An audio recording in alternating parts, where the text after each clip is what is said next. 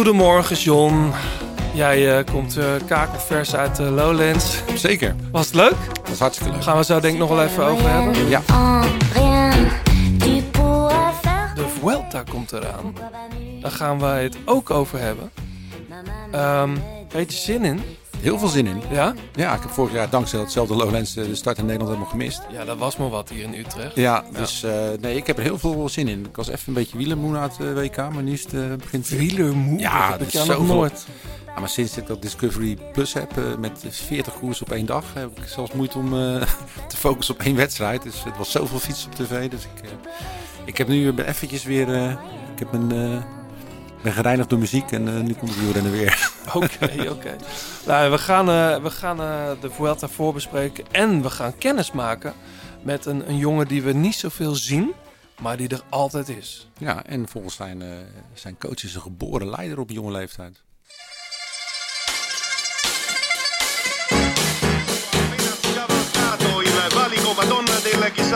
Solo al comando, Johnny Ogerman della de liefde. De liefde voor de koers. Blijleven trok de sprint aan. Toen kwam John de Bravo eroverheen. En John de Bravo wordt de nieuwe kampioen van Nederland. Je luistert naar De Grote Plaats. Een podcast van oud-wielerprof en muziekjournalist John de Braber... en muzikant, zanger en wieler vanuit Blauwtsoen. Zij nemen samen de meest opmerkelijke gebeurtenissen in het profpeloton door... bespreken hun favoriete nieuwe muziek... en gaan op zoek naar het muzikale hart van renners... en het wielerhart van artiesten.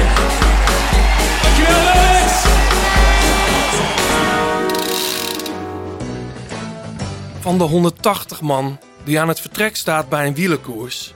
haalt slechts een dertigtal de live-uitzending op tv... En staan slechts een handvol renners met naam en toenaam in het verslag van de krant of wielersite. Van die 180 man zijn slechts enkele veel winnaar.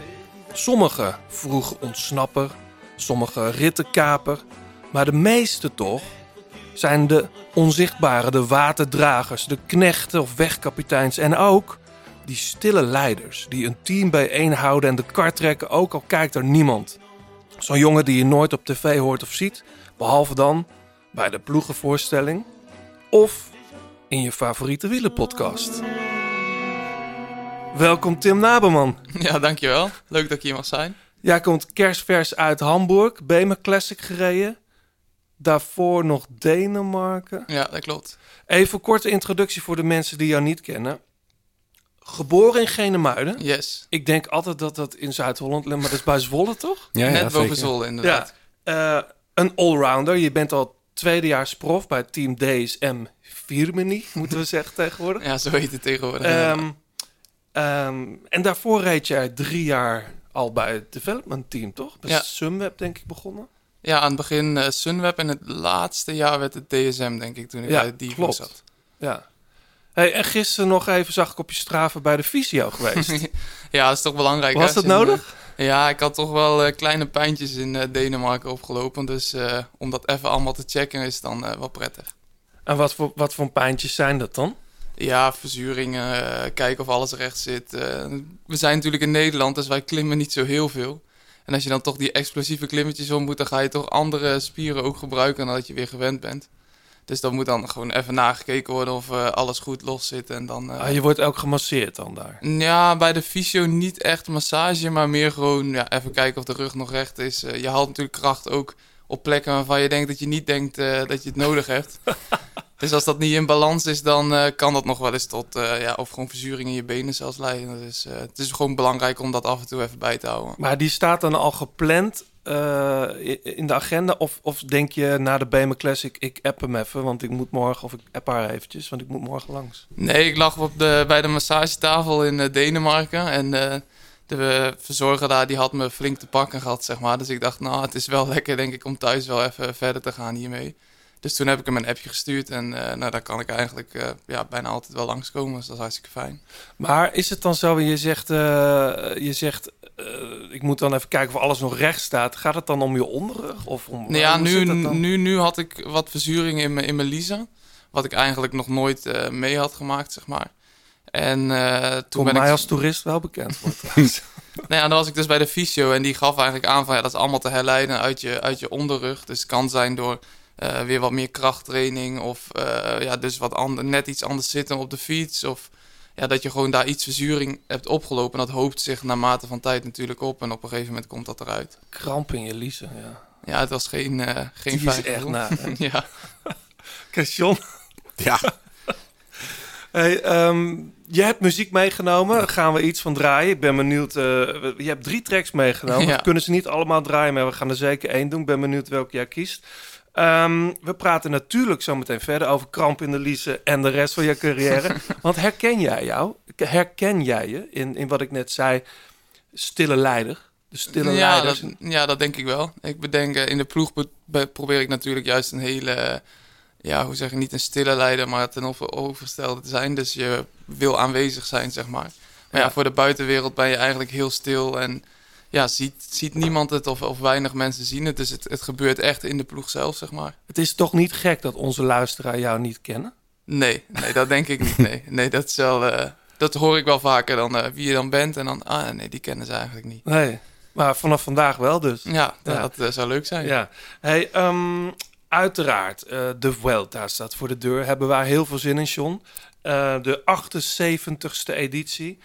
Ehm, daar gaan we natuurlijk eh, ook over praten. Jij rijdt niet, hè, Tim? Nee, Was, nee. er, was er nog sprake van? Nee, eigenlijk dit jaar eh, nee, niet, over, eh, niet over gesproken. Het is wel iets wat ik natuurlijk op de lange termijn graag zou doen, omdat ik denk dat het wel heel belangrijk is voor je carrière ook. Gaan ook vaak jonkies heen. Ja, en ja jij dat bent klopt. eh, vier- 24. Nee, ja, er zijn zeker jongens nu naartoe die ja, zelfs een stuk jonger zijn. Volgens mij de jongste is Max Poel. Die is, nou, of hij al 20 is, dat weet ik niet. Nee. Maar dit zou niet heel veel ouder zijn. Dus eh, nee, in dat opzicht eh, kun je daar natuurlijk goed in mee. Ja.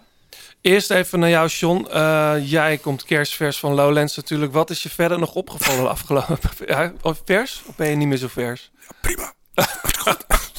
nee, gaat prima joh. Ik heb niet in de lampen gehangen, dus eh, Nee. was een, het was een mooie editie. Mooie dingetjes gezien.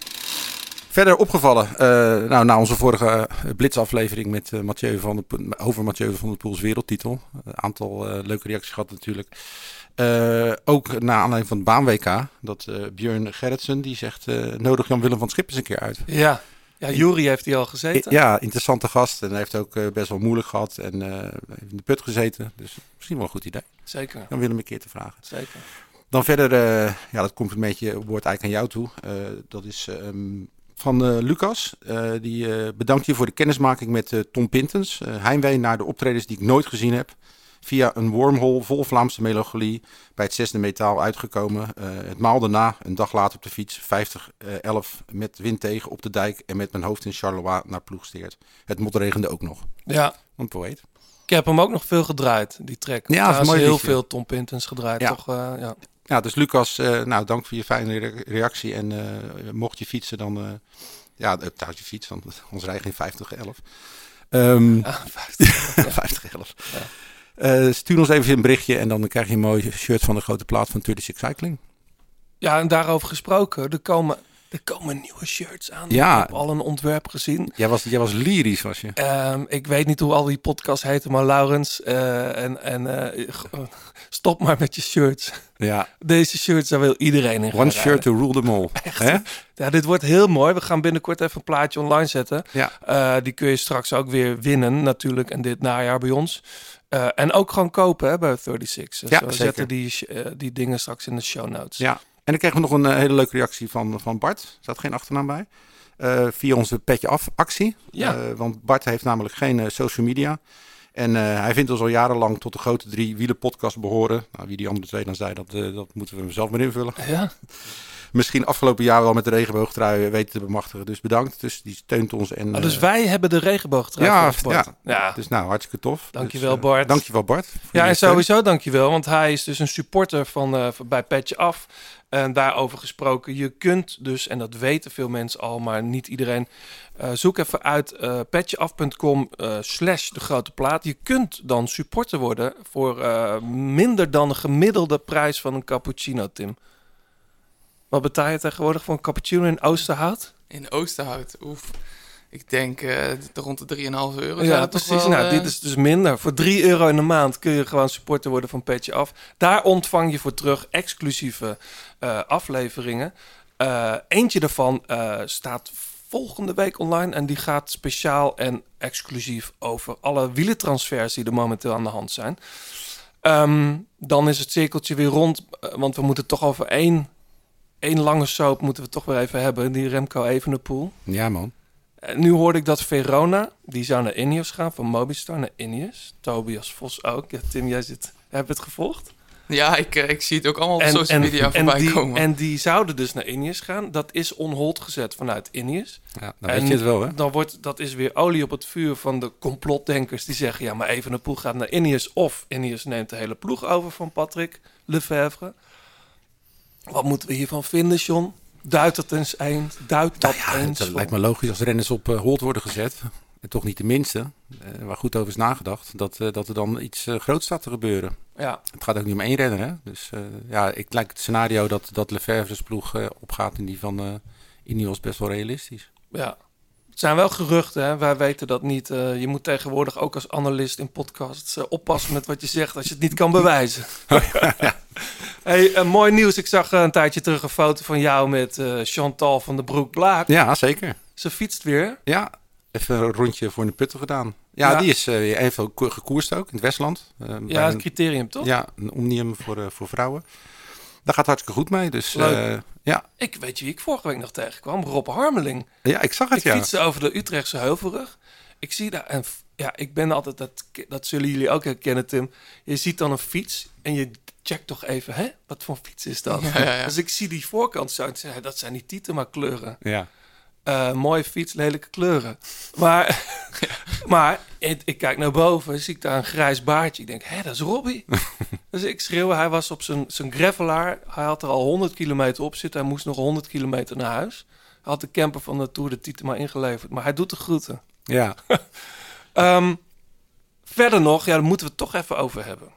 Eh, nee, niet toch. Daar gaan we het gewoon over hebben. Jij appte mij nogal geschrokken, John. Vorige week, iedereen heeft het meegemaakt. Hommeles bij Jumbo-Visma, tenminste. Michel Hersman testte positief op een vochtafdrijvend middel. Ja, nou, het is voor het eerst eigenlijk dat, eh, dat de Jumbo-Visma-ploeg even een, eh, een beetje tegenwind heeft. Want het ging natuurlijk hartstikke goed. Ja, Maar dit is natuurlijk iets wat ze niet kunnen gebruiken nu als je een nieuwe hoofdsponsor zoekt. En dat er toch wat onrust is. Dus eh, ja, dit moeten ze wel echt tot de bodem uitzoeken wat er nou aan de hand is. ja maar ja, jij schrok ook op een manier van dat je dacht... oh nee toch, het zou toch niet... Ja, maar dat is wel de les van het verleden natuurlijk eh, die we hebben geleerd. Er is natuurlijk eh, jarenlang, eh, decennia lang van alles uitgevreten en maskeringsmiddelen. Ja. Ja, en dan is het toch, ja, dan bij zoiets ben je toch bang dat er wat aan de hand is. Maar Ja, want voor de goede orde, het is zeg maar... in de peloton is wel bekend de plaspil. ja, Dus je gaat er niet sneller van fietsen, maar wel sneller van plassen. Ja. ja toch? Het kan, eh, het kan handig zijn. Ik had hem vano- vanochtend kunnen gebruiken, maar eh, Ja, ik had een eh dopingcontrole aan de deur staan. Oh, ja. En dan eh, kan het soms best vervelend zijn. eh.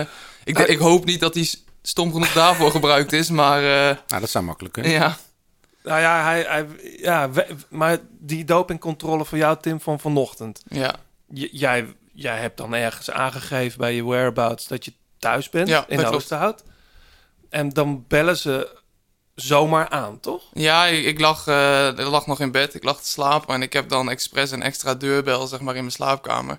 En dan hoor ik die deurbel en 9 van de 10 keer weet je wel van... oké, dit is dopingcontrole. En maar dan, jij eh, hebt echt die, die, die, die deurbel in je slaapkamer of dat je die hoort speciaal voor dit soort dingen? Ja, ja ik heb, we hebben een elektrische deurbel. Eentje in eh, de woonkamer en eentje in de slaapkamer. Want ja, ik, toch zet ik hem vaak 's ochtends als ik nog in bed lig. Want ja, dan weet je natuurlijk zeker dat je altijd thuis bent in dat eh 1 uur Ja. tijdslot.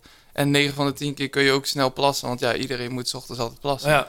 Dus eh, nee, die heb ik daar speciaal voor, eh, voor hangen. Maar denk je dan, je, die bel gaat dan, dan weet je eigenlijk hoe laat Ja, het is. ja, en ik keek nu dan nog even met, er zit een camera bij, zeg maar. Dus ik keek even en dan zie ik iemand met een wit koffertje staan. denk ik, oh ja, nou, ik ga naar beneden snel aankleden. En dan, eh, ja, dan eh, is het een dopingcontrole, ja. Ja.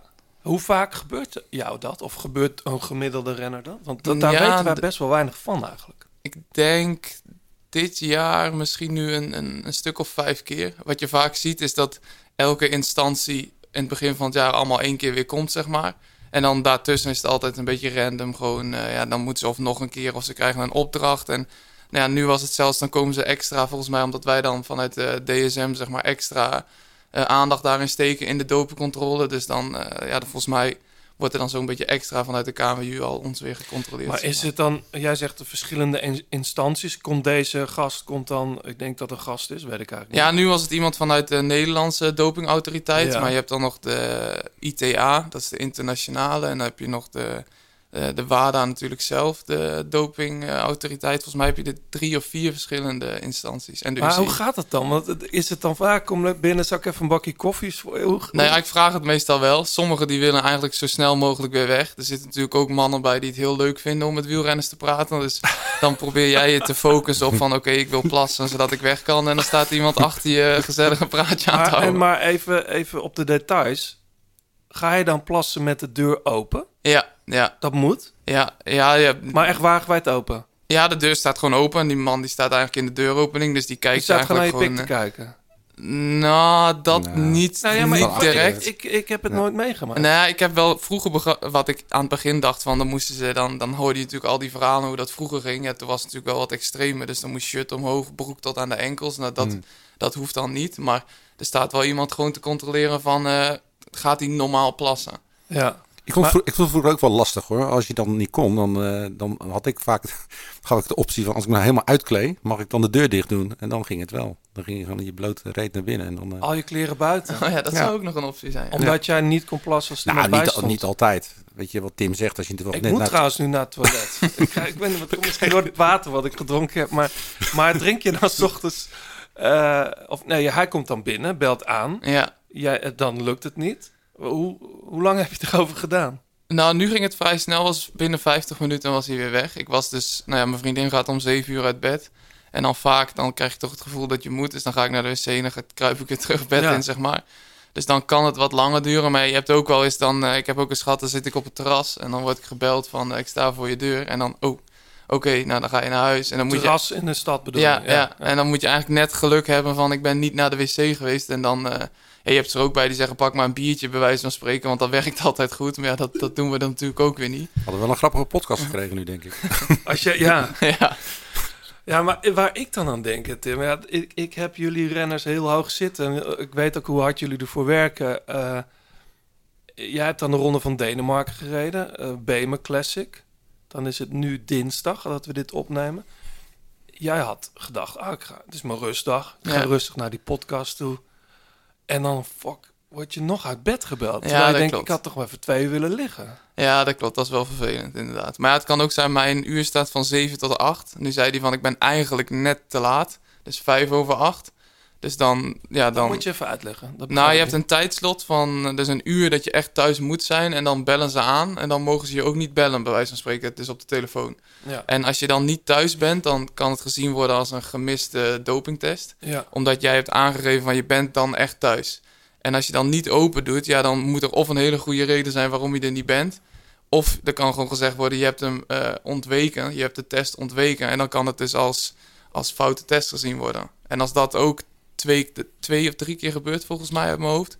dan wordt het gewoon gezien als, eh als dopinggebruik, omdat Maar- jij je test Ja. vermijdt. Maar aan de andere kant, als hij te laat is en er zou het fout zijn met jou, dan is het gewoon geen geldige test, denk ik. Nee, dat, dus als het, het, het zou kunnen eh, dat als hij niet bu- buiten mijn uur komt, dan komt hij bij mij thuis. Nou, dan belt hij aan, er wordt niet gereageerd. Dat Dan, was dus vanochtend, vijf over acht. Ja, maar dan weet je natuurlijk wel van ongeveer dat is eh, de dopingcontrole, zeg maar. Maar jij kunt niet zeggen, hé joh, gast, is vijf over acht, eh, opzouten. Nee, nee, natuurlijk niet. Want het, is, het, het werkt dus zo, als hij, hij belt mij dan. Maar Ja. stel dat ik niet opneem en hij belt nog een keer, dan vertrekt hij weer, zeg maar. Dan heeft hij het geprobeerd, alleen ik was niet thuis. Dus Mhm. nou ja, oké, pech.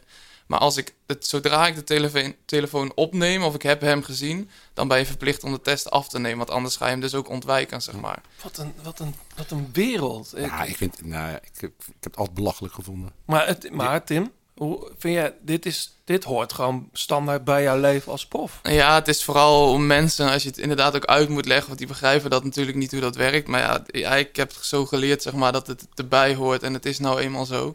En aan de andere kant vind ik het ook wel weer heel goed, omdat er dus ja, eh, zoiets als een, ja, ik had er nog nooit van gehoord, een plasspeel, eh, waarvoor dat was bijvoorbeeld.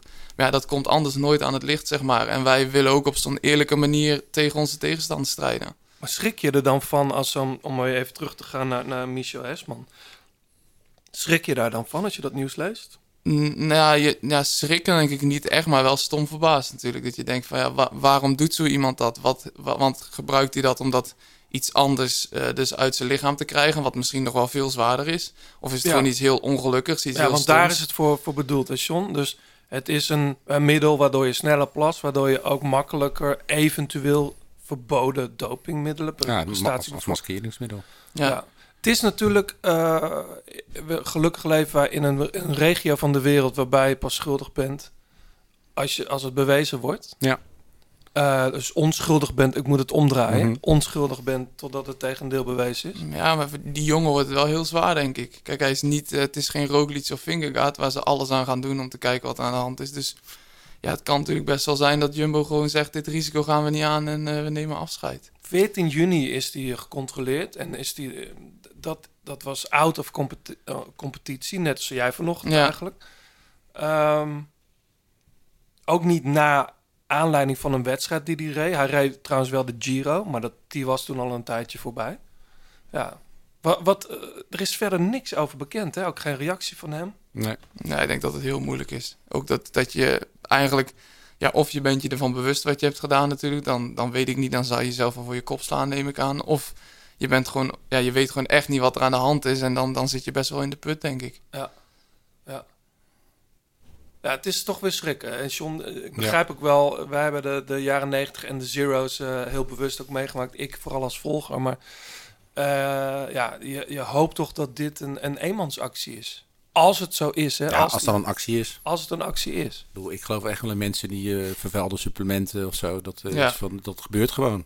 Ja, maar eh, dit zit normaal gesproken niet in supplementen. Nee, nou ja, misschien heeft hij medische reden. Kijk, het is allemaal speculeren. Dus, Ja. eh, maar ja, het is, het is gewoon niet, niet prettig. Ook eh, vooral voor die jongen niet. En, Nee, en voor de ploeg niet. Ja. Want, want Plugge is natuurlijk op zoek naar een, een nieuwe sponsor. ja. Hoofdsponsor. Ja, het is voor niemand goed, denk ik. Ook voor ons is het niet goed. Ja, voor de hele, hele peloton is het nooit goed als er iets gebeurt, zeg maar.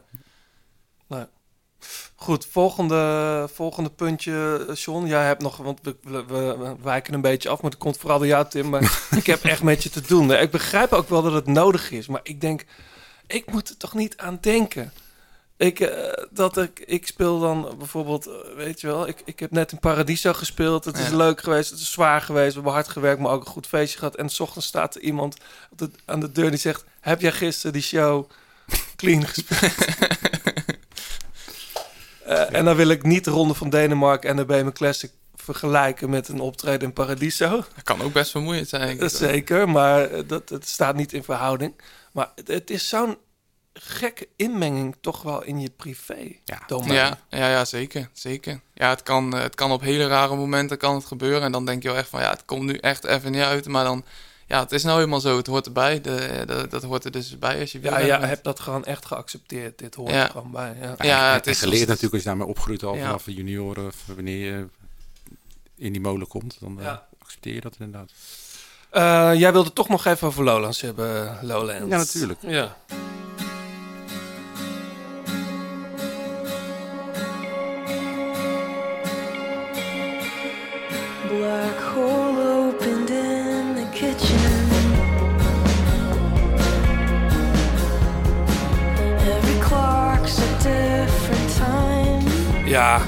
Dit was jouw hoogtepunt van, eh, van Lowlands. Nou, een van de hoogtepunten. Ja, ja. Het is eh, misschien niet echt een knaloptreden, maar eh, het is Boy Genius. Dat zijn drie meiden, een soort supergroep. Met Lucy Douglas, eh, Julian Baker en natuurlijk Phoebe Bridges, die de mensen misschien wel kennen.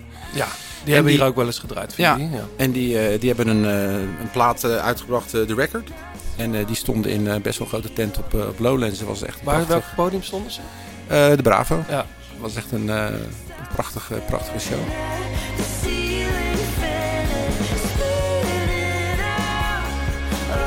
Grappig dat ze dan in Nederland in de Bravo staan, terwijl ze in de rest van de wereld echt de main stages doen. Hè? Ja. Nou ja, het is ook wel een aardig tentje.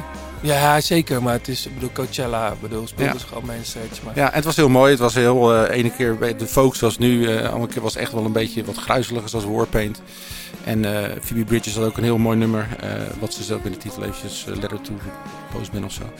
Die vroeg ze aan het publiek of ze de telefoon allemaal weg wilden doen. Dat het zo veel meer impact zou hebben. Dat deed ook iedereen. En dan zie je pas hoe mooi het is als je iets intiem iets deelt met, je, Ja. met het publiek. Hele mooie plaat ook. Ja. Ik heb hem, nou niet heel, heel toevallig, ik heb hem dit jaar echt al heel erg grijs gedraaid. Heel mooie, mooie melodische composities. Hele vette productie. Zeker. Drums staan wat hard, maar ook wel lekker of zo. En gewoon dit hier.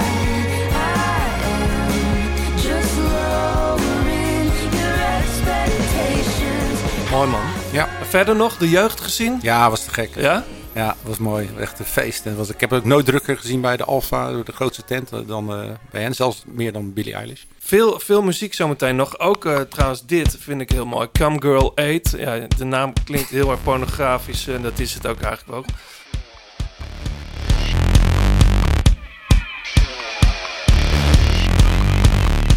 Eh, vier, vier dames uit, eh, ik denk dat ze in Manhattan zitten. Brooklyn weet ik niet zeker. Speelde op BKS volgens mij in juni. Is nu een EP uit. Chicolina. Ook een verwijzing naar porno. Come, come Girl 8. Precies zoals je denkt dat je het schrijft.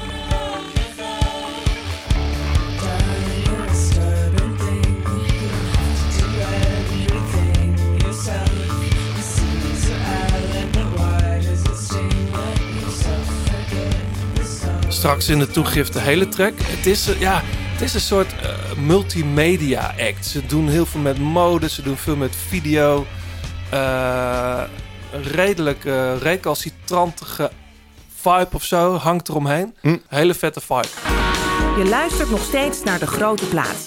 Heb je tips of heb je een vraag? Laat het dan weten via Twitter, het Grote Plaat of Instagram. En laat een reactie en een beoordeling achter op Apple Podcast. Tim, nogmaals van harte welkom. Dankjewel. Ehm, volgens Tus, Martijn Tusveld, vriend van de show. Volgens Ja. mij heb je afgelopen weken met hem gereden. ook. Ja, gisteren nog, eh, was het gisteren? Nee, zondag. Zondag samen in de auto teruggezeten en eh, heel de week samen weer op pad geweest in Denemarken ook. Volgens, volgens Tus kan jij als geen ander een, een wedstrijd goed lezen. Daar, daar schijn jij heel goed in te zijn. Hoe, hoe zit dat dan? Herken je dat? Herken je het sowieso? Nou, ik merk wel dat ik nou, soms hele kleine dingen, wat voor andere mensen misschien denken van dat is niet belangrijk. Maar dat dat toch ook wel vanuit eh, ja, de ploegleiding toch wel belangrijk is om die informatie te hebben. Iets heel, heel simpels als eh, welke ploeg gaat er nou op kop rijden en wie neemt de controle of wat gebeurt er in het peloton, zeg maar.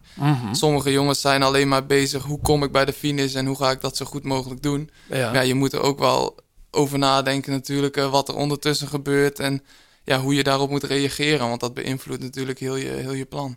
Maar waar heb je dat dan geleerd? Op die manier eh, het peloton Eh. lezen en voelen wat er gaat gebeuren? Of... Ja, ik denk dat het eigenlijk al wel van de ja, vrij jonge leeftijd wel begint. Kijk, wij hier in Nederland rijden altijd eh waaienkoersen. En dat zijn toch hele hectische koersen.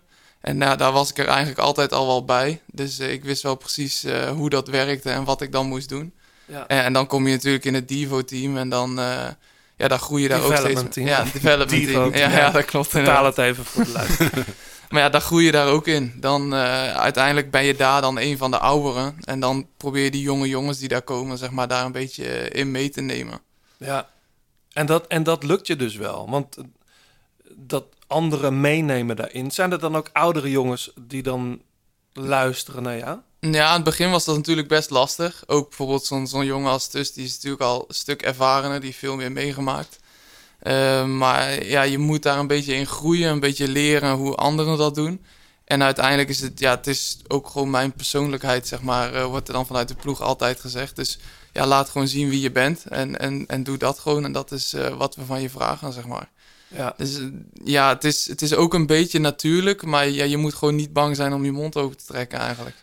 Nee, terwijl ik vind jou niet, je zit er niet bij als iemand die eh, met zijn vuist op tafel slaat en, en vloekend een ander gaat vertellen hoe. hoe Nee, nee, zo- dat klopt. Dat is soms ook, dat, dat, dat zou misschien soms wel wat meer mogen. Van dat wie? zit niet echt in van mij. jezelf. Ja, maar soms is het ook gewoon nodig om echt even je mond flink open te trekken. En dan, dan gebeurt dat ook wel. Maar het zit ook niet echt in mij om kwaad te worden, bijvoorbeeld. Ik, ik, ja, dat, eh dat Ja, maar dat, kan je, dat zie je toch ook? Dat kan je toch ook. Er zijn al genoeg leiders die vloekend rondlopen. Ja, dat klopt. Nee, ja, die heb je er ook bij. En die moet je juist weer rustig houden. Van, joh, rustig aan, komt goed. Eh, niet druk over maken. Want dit is wat we nu moeten doen. En eh, zo gaan we ermee verder, zeg maar. Maar is jouw intuïtie dan, gaat het ook zo ver dat je, dat je altijd de slag ziet vallen? Ook al kan je zelf niet mee? Dat je Ja, aanvoelt komen van nu gaan ze wegrijden? ja, je voelt het altijd wel een beetje. Ja, op een of andere manier dan, dan denk je toch, er gaat iets gebeuren. Of een team rijdt naar voren, waarom doen ze dat? En ja, dan voel je het wel. Maar soms is het ook zo lastig. Eh, ik weet nog vorig jaar een wedstrijd. Dan had ik het bijvoorbeeld met Kees Bol toen over.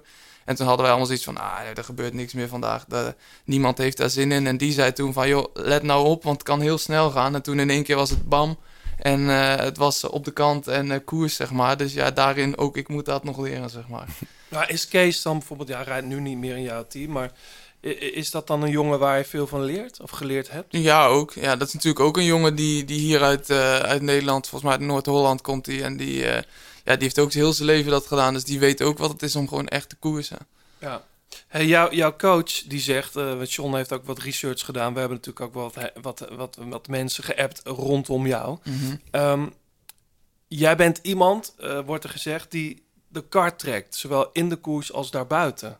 Wat, wat moet ik me daarbij voorstellen? Nou, ik leg het eigenlijk altijd heel simpel uit als een soort van de aanvoerder op de fiets, zeg maar. Dus een beetje, je hebt die aanvoerder bij de voetbal altijd, die eh, die, jongens een beetje bij elkaar wil houden. En die zegt, joh, focus nou. Of, of ja, die dus ook buiten het fietsen, dus in de nabespreking of voorbespreking, gewoon ja, rustig houdt en de lijnen duidelijk houdt. Ik denk dat het vooral belangrijk is om gewoon te zeggen waar het op staat en dat, je, dat iedereen weet eh, wat er moet gebeuren. Ook vaak zijn dat soort jongens, eh, een soort, ja, toch John, een soort verlengstuk van een ploegleider. Mhm. Ja. Ja, maar vaak zijn dat meer de, de senioren types in de ploeg die eh, autoriteit ook hebben bij de jonge boys. Ja. Maar Tim is natuurlijk zelf hartstikke jong, dus dan... eh, Ja, nou, wij hebben natuurlijk ook een vrij jonge ploeg. Dus die jongens, eh, daar ben ik mee in het Divo-team, development team opgegroeid. Of sommige jongens die hebben daar gezeten terwijl ik daar alweer weg was, zeg maar. Dus met die jongens gaat dat, kan ik daarin heel goed mee. En als je dan een jongen als John Degenkop hebt of, of eh, ja, Niels Eekhoff is ook al wat langer prof. Maar die heeft dan bijvoorbeeld alweer iets meer dat leiderschap. Dus die, die focust zich meer op het winnen van de koers. En die wil niet altijd met alle randzaken eromheen bezig zijn. Dus daar kan ik dan dat weer aanvullen, zeg maar. Ja. Eh, dus ja, als, van een jongen als John kan ik heel veel leren. En eh, bij de andere jongens ja, kan ik dat alweer meer uitvoeren. ja. Hoe is het met John eigenlijk? Ik heb hem lang niet gezien. Ja, hij zou eigenlijk zondag ook koersen. Ja, maar het die is had, echt eh, een beetje zijn... eh, toen- hij komt daar niet uit, uit die Nee. streek, maar het- hij heeft daar altijd wel goed gereden. Hamburg. Ja, het past hem ook goed, denk ik. hè. Het is Ja. toch zware finale, maar vaak toch weer een sprint. Dus als je dan net wat frisser aan kan komen, dan, eh, Ja. dan helpt je dat. Maar nee, hij had, eh, wanneer was het? Zaterdagavond kreeg hij diarree en wat zieker, zeg maar. Dus eh, die, die besloot om niet te koersen. En volgens mij gaat hij nu eh, morgen van start in de Renewi Tour. Oh ja. Hey, ehm, ja, jij noemde net al het woord winnen. Is dat ook iets wat, wat jij ooit gaat doen? Oeh, eh, dat hoop ik natuurlijk altijd stiekem nog wel. Ik denk dat het, ja, het is, het is eh, lastig. Eh, je hoeft natuurlijk geen, geen geslaagd... Je, je kan een geslaagde carrière hebben als wielrenner... ja. zonder ooit te winnen. Ja, nee, zeker. Ja, ik heb altijd een beetje het voorbeeld van uh, Nick Jas Arndt. is natuurlijk lang bij ons in de ploeg ook die koerskapitein geweest. Ja. Ja, en die heeft mij toen wel eens gezegd van... joh, soms dan kom je in een situatie... dan fun- functioneert de ploeg zo goed... dan is een captain niet altijd nodig. Als dat helemaal goed gaat, dan, dan is dat ook goed. En dan kan je bijvoorbeeld eens meeslippen in een, in een vroege vlucht of iets. Ja, en dan kan je proberen je eigen succes te halen. Kijk, dat is natuurlijk... eh, een ultieme droom, maar net voor nu eh, focussen we hierop en is dit waarin ik ja, verder wil gaan. Ja, je noemt Nikias, rijdt bij Bahrein toch Ja, tegenwoordig? Die heeft volgens mij bijna in alle grote rondes wel een, een, een rit gewonnen. Ja, ja, dat is natuurlijk je hebt Eh, wel weer een, een, een uitzondering. Natuurlijk, je hebt ook Roy Corvus, wat nu mijn coach is, die volgens mij ooit één wedstrijd gewonnen, eh, Ja. heb ik wel eens gehoord. Hoogronde van Almelo. Nou, is dat dat- Weet ik veel. Nee, volgens mij één keer wel een, een, een koers in België, kan ik me nog wel iets van, eh, van bijstaan. Nou, Adi Engels heeft ook nooit een profkoers gewonnen, bijvoorbeeld. Nee, maar zoals een jongen als Roy is, of een, een man als Roy is natuurlijk, maar de, die, die is volgens mij 13, 14 keer naar een grote ronde geweest. Heeft toch een hele succesvolle Zeker. carrière gehad. Ja. En wat ik daar gewoon heel, veel mooi, heel mooi vind, is heel veel respect van eh, collega's. Hoe vaak heb jij nou contact met Roy bijvoorbeeld? Ja, Roy is mijn persoonlijke coach. Dus eh, ja, wel Is dat regelmatig. wat anders dan trainer? Ja, ja, ja, bij ons is echt je trainer gaat puur en alleen om het training. Ja. En daar werk je mee naar je, naar je koersen toe. Maar bijvoorbeeld nu eh, Hamburg kwam er voor mij bij. Eh, dan belt Roy mij van hoe en wat en ja, hoe we dat gaan doen. Of je programma, hoe dat eruit gaat zien. Dat, dat loopt allemaal via Roy, zeg maar. ja. En dan ook de evaluatie naar Denemarken. Ja, dat gebeurt dan weer met de coach, de, de, de ploegleider op de koers zelf. Ah, ja. Maar als daar dan specifiek iets voor mij uitkomt wat echt zou moeten veranderen, dan is Roy degene die dat naar mij brengt. Hey, wanneer, Tim, wanneer ontdekte je eigenlijk dat jij eh, het in je had om profrenner te worden? Want je bent ooit als, als klein pikkie gaan fietsen. Ja. Dat kwam volgens mij niet helemaal eh, uit de lucht vallen. Nee, mijn ik vader... heb wat, leuks meegenomen trouwens. Ik Oh, heb ja? even de oude doos ingedeeld. Oh, echt? Dan ben ik benieuwd. Deze foto, ja, die inmiddels ken je natuurlijk wel. ja. Ja, ja. En eh, dit ben ik. Is het ook in uh, Noordwesterverijs? Ja, dat je dat gelijk ziet. Ja, ik zie de, de, de, de ronde mist. Dat is een vriendin van mijn eh, ouders. Oké, maar in ieder geval, eh, ja, dat het was mijn eerste klassieker die ik reed in, eh, voor het district Zuid-Holland eh, 2 toen nog. En ehm, ja, ik was hartstikke nerveus. Ik wist dat Erik, eh, jouw vader, dus daar vandaan kwam. En eh, de mensen die de Ster van Zwolle ook wel eens hebben gereden, die weten dat er een heel gemeen dijkje tussen Hasselt en Genemuiden zit. En we komen dat dijkje af en je rijdt het industrieterrein op. En eh, ja, ik weet nog niet wat me bezielde, maar ik sla rechtsaf terwijl de motor naar links was gegaan. Dus ik was eraf en ik werd derde, maar wel hartstikke blij mee. Dus ja, leuk. Ja, nee, zeker. Ja, ik heb geprobeerd je voel je ook om- ineens een oude man, hè? Dan de zoon van, van ja, je oude Ja. fietsmaatje. Want jouw vader is, vertelt. is redelijk vroeg gestopt met fietsen, toch? Ja, die is denk ik gestopt toen hij 2,23 was. Ja, Ja. die was natuurlijk in de iets moeilijkere periode van het fietsen ook. Die zag hoe dat eraan toe ging en dat was niks voor hem. Doping heb je het over. En ja, Onder, onder handen eh, ook. Volgens mij ja, echt wel een, een goede amateurrenner geweest. En eh, ja, die heeft toen besloten, die heeft zijn diploma gehad en is toen begonnen bij Giant, volgens mij, waar hij toen fietste, Ja. eh, aan het werk gegaan. En nu al jaren bij Shimano, toch? Ja, ja, daar werkt hij nou al, eh, Wat al grappig, heel lang. Ja. Mag ik die foto ook eens zien? Ja, ik heb zelf ook geprobeerd hem te winnen, maar verder als een tweede of derde plek ben ik eh, niet gekomen. Hij is de, Dit is de, de ronde van... Omloop van eh Noordwest Overijssel. Ah, ja. Ja, ik daar volgens mij Pascal Eenkoon komt natuurlijk ook uit Genemuiden. Die heeft het ook geprobeerd. En eh, tot nu toe is mijn vader de laatste die hem eh gewonnen Nou, won een heeft. week later ook gelijk Rukve. Ook zo'n eh, Ah, klassieker onder die twee achter elkaar. Eh, en, maar wie is dit? Toon van Megen, een jongen uit Arnhem. Dat is niet eh, veel. Nee, is, eh, hoe heet die... eh, oh, ook die ploeg gaat er? Nee. Re- eh, Reto was Ja, Reto, ja. ja. Ja, Ja, klopt, ja. Ja, maar nee, jij, zo, jij eh, staat daar wel op podium. Ja, ja, ja. En je reed verkeerd. Ja, waren met z'n drieën weg. Oh, ik denk... hebben ze het toch goed Ja, maar in, in die tijd moest je kwalificeren voor het NK. Ik weet niet of het nog steeds zo is bij de junioren. Dus als je top 3 in een klassieker ja, reed, Steeds, moet Ja, dan dus ik was geplaatst voor het NK. Dat was voor mij al natuurlijk eh, Ja. helemaal eh, geslaagd. En, en een eh, dure les. Dus, en een leuke herinnering. Hey, ehm, Wat dat, alle, allebei ouders fietsen, toch? Je moeder- Nee, mijn moeder die, heeft- ja, die fietst wel gewoon voor de plezier. ja. Mijn vader, die, ze hadden altijd wielren fietsen. En eh, vroeger was het altijd, nou blijf maar lekker voetballen. Dat is veel Ja. makkelijker. eh, het kost niet zoveel moeite. En toen, eh, toen kwam eigenlijk van dezelfde vereniging, de Noordwest, toe kwam een keer iets voorbij op school van eh, probeer het uit. En dat heb ik toen gedaan, eh, toen ik tien was, denk ik. En toen ben ik nooit meer gestopt. Toen ben ik altijd eh, blijven fietsen. Dus eh, jij, jij bent... Tim, jij bent wel... Dit is nu je tweedejaars prof. ja, Wel in een gekke periode natuurlijk prof geworden. Eh, Ja. met, die, met die, we noemden het net al in een ander verband, die, die eh, corona, twee coronajaren toch? Ehm, heeft, dat jou, heeft dat jou belemmerd om eh, ja, op, naar een niveau toe te groeien waar je misschien al had willen staan? Laat ik het dat- anders zeggen, is het langzamer gegaan dan je, dan je gewenst had? Ja, dat, dat is lastig te zeggen, denk ik. Wij hadden vooral in het developmentjaar dan daar iets meer last van dan de profs. Want ja, bij ons vielen de wedstrijden gewoon weg en die, die kwamen ook niet op een ander moment terug. Dus ja, toen, dat is oeh, 2021 of 20 geweest. Ik weet niet wat 21, eerste, ja. eh, eerste coronajaar, zeg maar. 21, ja. Dus ja, voor ons was het wel lastig. Dat betekende er meer thuis en meer trainen. Maar ik denk onbewust dat het je ook wel weer wat gebracht heeft. Ik, eh, ik heb toen bijvoorbeeld meer krachttraining gedaan. En toen werd ik in één keer een stuk explosiever. Dus toen wist je ook van oké, als we hier serieus mee aan het werk gaan... kun je daar misschien ook nog wat meer uithalen. Ja. Dus ja, je hebt minder gekoerst. Maar aan de andere kant heeft het je ook wel weer wat gebracht. Hey, ehm, we, gaan, we, gaan, eh, we gaan straks met jou naar de grote plaat Dilemma's. Dat doen wij altijd. Ehm, maar eerst eh, eventjes naar muziek. John, eh, jij hebt dit meegenomen. Ik was toch wel eh, verrast eigenlijk dat hij ineens zo met een nieuwe track kwam. Dat voelt heel oud en vertrouwd.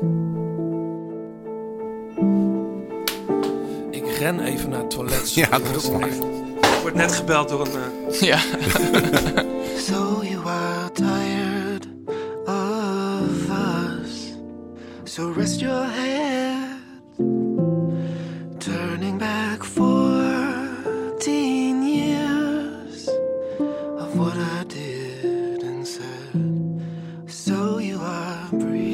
John. Sufjan Stevens. Ja, mooi hè? Ja. Eh, mensen vragen dan altijd, want ik stuur dat dan meteen vaak door naar vrienden. Hey, de nieuwe Sufjan. Of volgens mij kreeg ik dat zelfs doorgestuurd. Dat is al een En- tijdje geleden, want hij heeft wel eh, best wel lang eh, niks solo gemaakt. Klopt, heel veel samenwerkingen. Ja. Maar de eerste vraag, en dat wil ik eigenlijk zeggen, is vaak...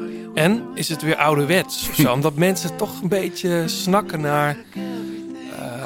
eh Carrie en Lowell, dat, dat, dat soort platen. Ja. Hoe zit dat bij jou? Ja, ook. Ik heb eh, ooit die plaat, eh, die speelde die in de Carré, ben ik geweest. Oh, dat was ik ook. Ja, Ja. ja. prachtig. Ik hou echt van die sfeer en het dromerige en eh, ja, gewoon fantastische Dat liedjes. was trouwens een snoeiharde show, trouwens, Ja. het tweede deel.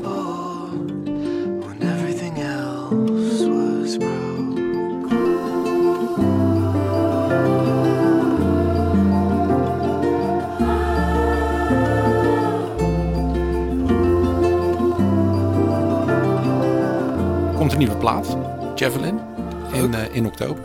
Oh, zo snel al? Ja. Ja, het is ook een, deze jongen moet ook gewoon platen in oktober uitbrengen. dat is, past er heel erg. Ken jij het, Tim? Nee, nee, nee, nee. Ik vraag me dan echt af, hoe, als je naar zo'n optreden gaat, sta je dan rustig te genieten? Of staan mensen ook al te dansen? Ja, het was een zitconcert. Dit was een Ah, carré, een, een seated show. Ehm, maar, ik, dat- zei ik net, dit was wel uiteindelijk een hele harde show. Want ze hebben wel, hij heeft gewoon een hele grote band bij zich. Dus Ja. het is soms heel klein en, in, en intiem, zoals dit klinkt. Maar af en toe pakten ze ook snoeihard uit met, eh, ja, met veel lawaai, harde drums. En, eh, alleen dansbaar is het bij hem echt nooit. Eigenlijk nooit.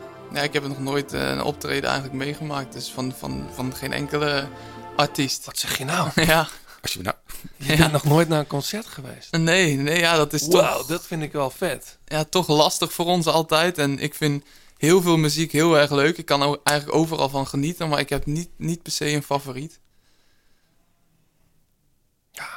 Ik vind dat wel je valt even stil. Ja, even wel. Ja, Maar ik waarom zit, is dat zo gek eigenlijk?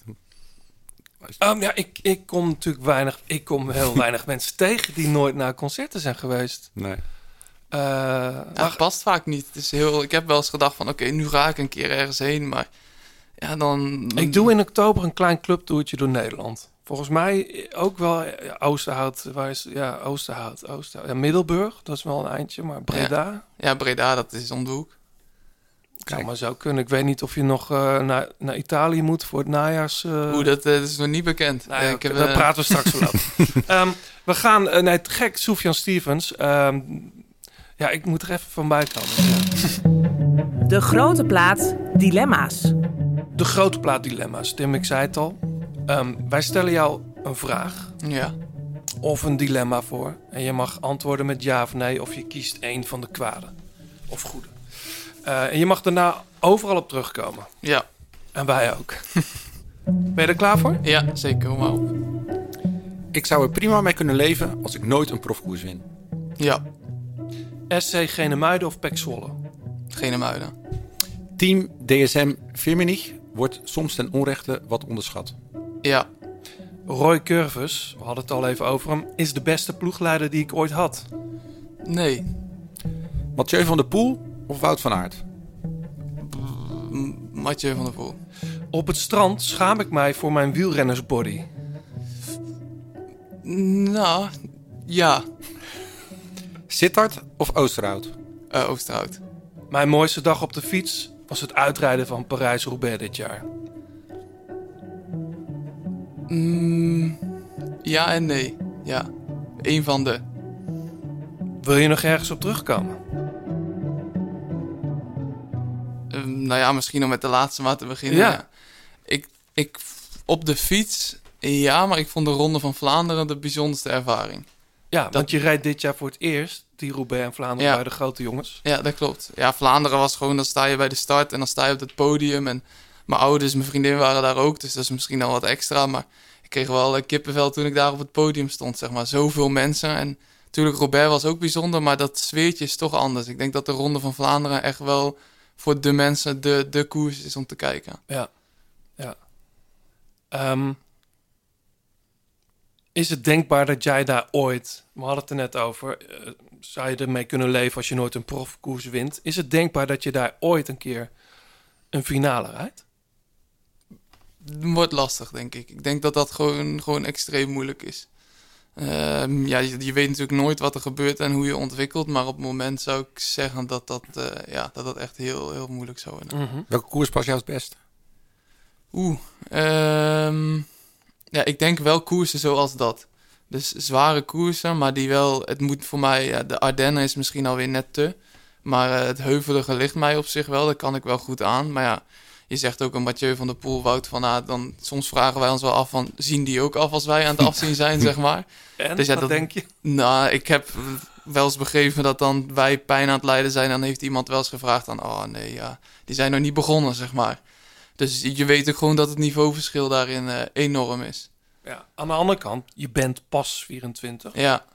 ja, ik denk dat een koers als Roubaix, zeg maar, daar zie je wel eens jongens naar boven komen, zeg maar. Dat, dat daarin is misschien meer mogelijk. Maar een Ronde van Vlaanderen is zo'n uitputtingsslag, daar komt echt de sterkste, sterkste boven. Ja, hè?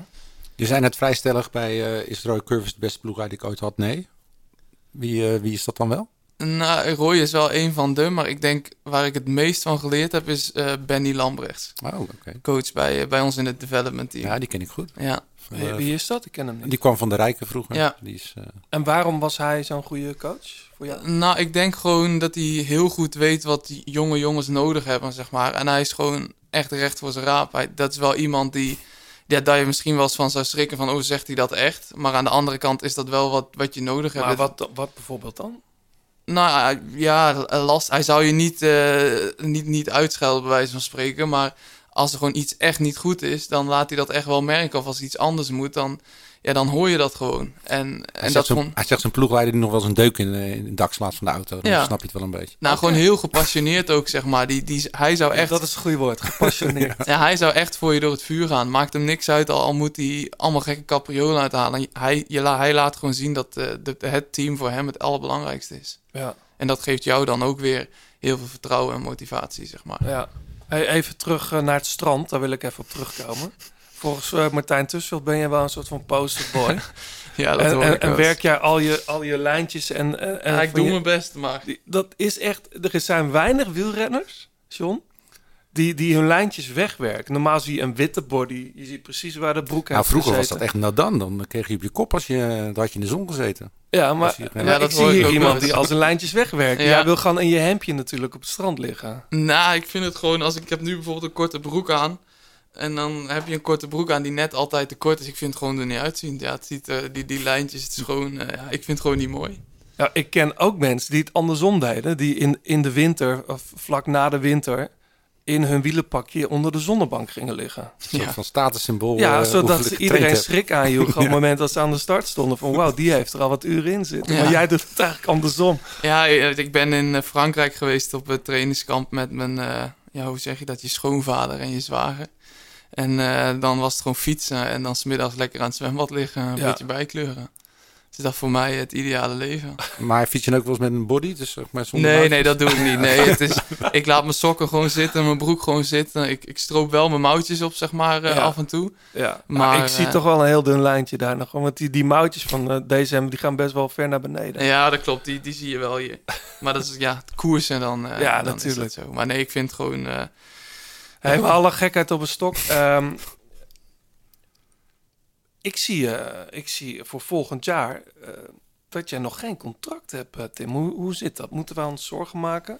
eh, nee, dat denk ik niet. Nee? Nee, ik heb goede, goede gesprekken met de ploeg gehad en eh, veel vertrouwen in elkaar. Dus eh, Dat wordt ook geuit, hè, John? Eh, Ja.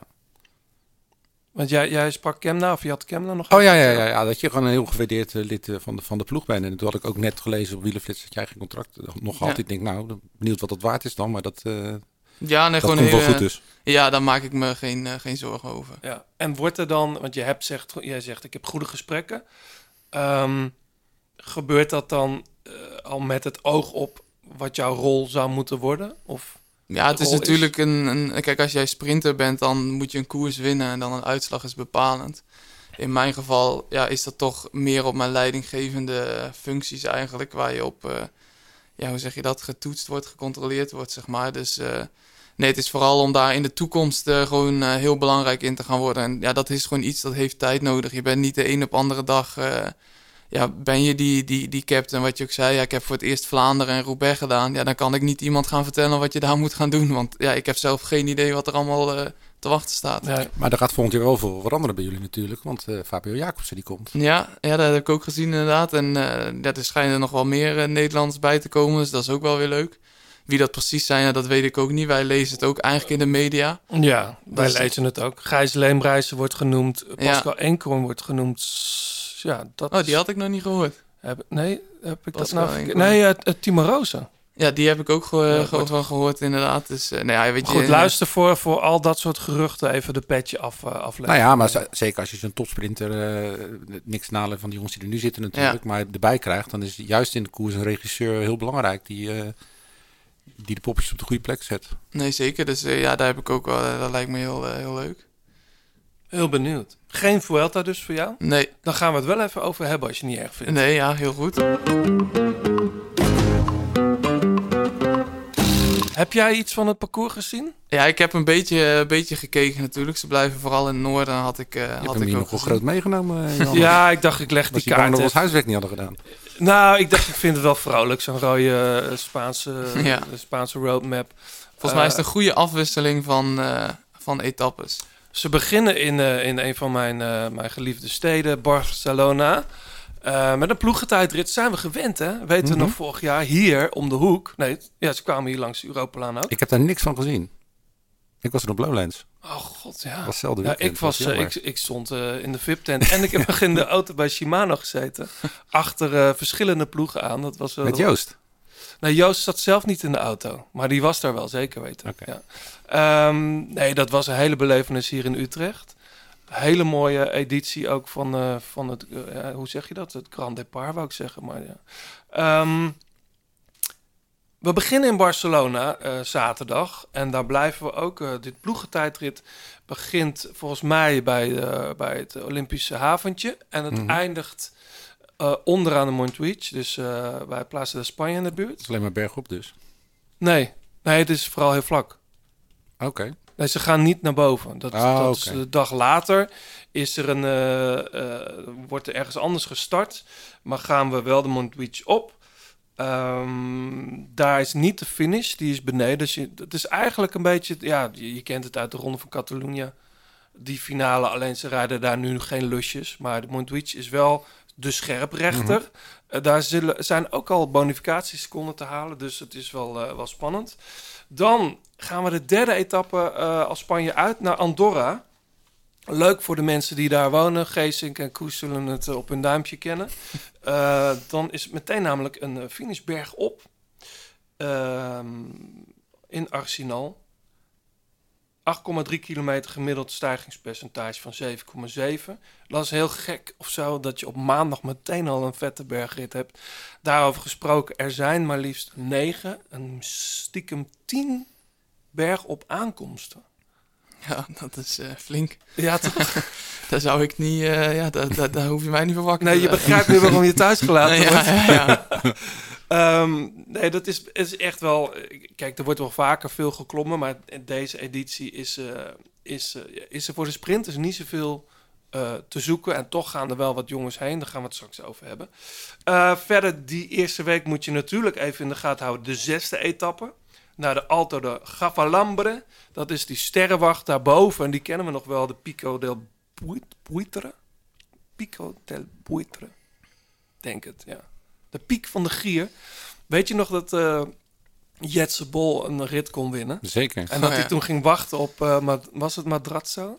Die ploeggenoot die toen zichzelf bijna onderuit reed. Ja, maar die won wel. Ja, En eh, dat was de kans voor Bol om zelf te winnen. Maar eh, ja, die was, eh, ja, had hij ook volgens mij, had hij gewoon kunnen winnen. Toch is knap wat hij doet hoor. Elk jaar weer eh, op de afspraak zijn. Ja, ja het is nu eh, dinsdag als we dit opnemen. Ik zag dat ze bij eh Beatje nog niet helemaal weten wie daar startte. Dat zal inmiddels toch wel bekend zijn. Ik zal even de... Maar gisteren kwam bijna alles naar buiten volgens mij. hè? Ja, Burgos staat eh, in Pro Cycling Stats nog helemaal leeg zelfs. Dus ze maken het spannend, maar dat is wel een hele mooie rit. Ook een hele gekke, gekke klim. Ehm 8% gemiddeld, 11 kilometer. En dat tweede deel, dat is vooral gewoon stilstaan. Eh, dat gaat kruipend omhoog, want dat is, eh, kom je niet onder de 10%. Dan zit er ook in die eerste week, het, eigenlijk is die eerste week al bizar, de, de Kati. Ehm, dat, is een, eh, dat is de achtste etappe vanuit Denia. Kennen de renners ook goed, want Ja. er wordt veel getraind. Maar die klim, die is heel kort, is wel heel stijl. Ehm, het is niet echt een berg op finish, omdat het laatste stuk een plateau is van twee kilometer. Eh, na die klim dus, na de top. Maar het is wel heel heavy. Ehm, en de negende etappe eh, ook weer een, een, een, eh, een, een bergrit. Het, is, het houdt gewoon niet op. Het is één grote klimkoers eigenlijk. Ja. En dan gaan we naar de tweede week, John. Ja, rustdagje eerst. Tuurlijk. Verdiend rustdagje. Dinsdag eh, gaan we dan weer op pad. Dan gaan we naar Castilla en Leon. Ook wel bekend van, de, van, de, van de koers die Ja. daar wordt georganiseerd. Voor mij is van Belofte of is dat Castilla? Castilla en Leon? En Mm. Leon? Nee, ik heb volgens mij eh, in het voorjaar of niet? Ja, ja, in ieder geval, eh, nou ja, de mooie wedstrijd altijd. Eh dan beginnen we met een tijdrit in Valladolid van bijna 26 kilometer. Ja. Eén klein hupsje erin van een paar honderd meter. Stel niks voor, toch? Stelt niet zoveel voor. Nee. Dus dat, dan kunnen de tijdrijders gewoon, gewoon uitpakken in, de, in die, de, de wijnstad is het toch, Valladolid? Ja, ja, ja, Echt klopt. een, ja. Dan eh, de elfde rit, die gaat eh, naar eh, La, Laguna Negra. Dat is een vlak met een klim, de laatste bijna 9 kilometer, 6 procent. Een soort appetizer voor, voor wat er later in die week nog gaat komen. Ja. Twaalfde rit in Zaragoza, een, ja, een sprintersrit van eh, 165 kilometer. Daar, Ja. In principe gaat daar, dat is een van de weinige kansen die de sprinters hebben. Dus Ja, Tarragona misschien nog in de eerste week. ja, ja maar in, de, in deze, deze Ja. week eh, de- is het echt eh, de enige kans. Ehm, en dan vrijdag eh, 8 september. eh, dat, eh, dan moet de agenda eh, geblokt worden voor de wielerliefhebbers. Want Ja. dan eh, gaan we naar de Tourmalet. Over de Portale, Obisque en de Spandel. Dus eh, en een heel kort ritje, dus ook voor eh, mensen die niet zo goed omhoog rijden. Dan wordt het echt wel billen knijpen of je buiten op tijd binnenkomt. Het zijn geen fijne dagen, nee. Dat zijn geen... eh, En en dat de- is zeg maar de kant zeg maar, die eh, vanuit Loes, Ja. Saint-Sauveur, ja, want het grootste deel van de rit gaat door, door Frankrijk heen. Ik vind dat zelf eerlijk gezegd wel de mooiste kant van de Tourmalet. Ja. Eh, op papier ook vaak het zwaarst. Hoewel de, de, de, de vrouwenkoers in de Tour ging natuurlijk van de andere kant omhoog. Ja. Ik vind dit wel de mooiste eigenlijk. En het is, echt, het is echt een etappe met alleen maar klimmen en dalen. Volgens mij is een- echt geen meter vlak. Gewoon Klopt. drie calls en drie afdalingen. Ik, ik kan me voorstellen dat ze op de Porto Level de Obisco gaan. Obisque af moet je ook nog eens een klein knikje de Soulor weer op. Ja. Dus het is alleen maar op en af. En eh, wel gaaf dat hij erin zit. Ja, heel mooi. Ja. Ja, ze zouden het al eerder een keer doen, hè? Toen met het coronajaar volgens mij. Ah, Dat, ja. Beetje een soort eh, ja, belofte die eh, nu wordt ingelost. Eh, de veertiende rit gaan we naar het skioord Lara Bela- Belagua. Via de Col de la Horez, onder meer. Wel serre is dat. Horsere, Ja. sorry. Die is eh 11 procent, bijna, of nee, 11 kilometer aan 8, met 8 procent. Volgens sommigen is dit eigenlijk de derde koninginnenrit, zeg maar. Want- Ja, want er zitten twee klimmen van buitencategorieën. Ja. Gewoon lange, lange klimmen. En Ja. best wel stijl. De vijftiende rit is een, eh, ja, eigenlijk een, denk een vluchtersrit van Pamplona naar Lecumberri in het Baskeland. Dat, eh, daar kunnen de aanvallers wel, eh, wel voor, Ja. voorop blijven, denk ik. Lijkt me wel, met alles wat er nog gaat komen. Ja, ja er zit één klimmetje van 7 kilometer van 5 procent. Maar ja, dat is ja, voor de rest heel dag op en af. Ja, week drie, daar hebben veel mensen het al, eh, al lang over. En dat komt door de zeventiende rit. We, we beginnen in Cantabria op de dinsdag. Maar dan gaan we de zeventiende rit. eh, trouwens was in de Tour ook de zeventiende etappe eh, de zwaarste. Col de la Loos. Nu gaan we de Angliru op. Tim, heb je daar wel eens gefietst al? Nee, volgens mij niet. Nee, dat kan ik me niet... eh, nee, dat denk Nou, dat ik had niet. je nog wel geweten, denk Ja. ik. Ja. Ja, iedereen kent hem. En eh, we genieten er eigenlijk altijd wel weer van. Het levert spektakel op. Ehm, we zijn het ook wel gewend, hè, dat het inmiddels normaal is. Terwijl ik weet nog toen, toen hij er voor het eerst inkwam... dat iedereen iets zoiets had, moet dat nou? Eh, ja, ik, ik vind het wel wat hebben, Tim. Zo'n zo'n brute...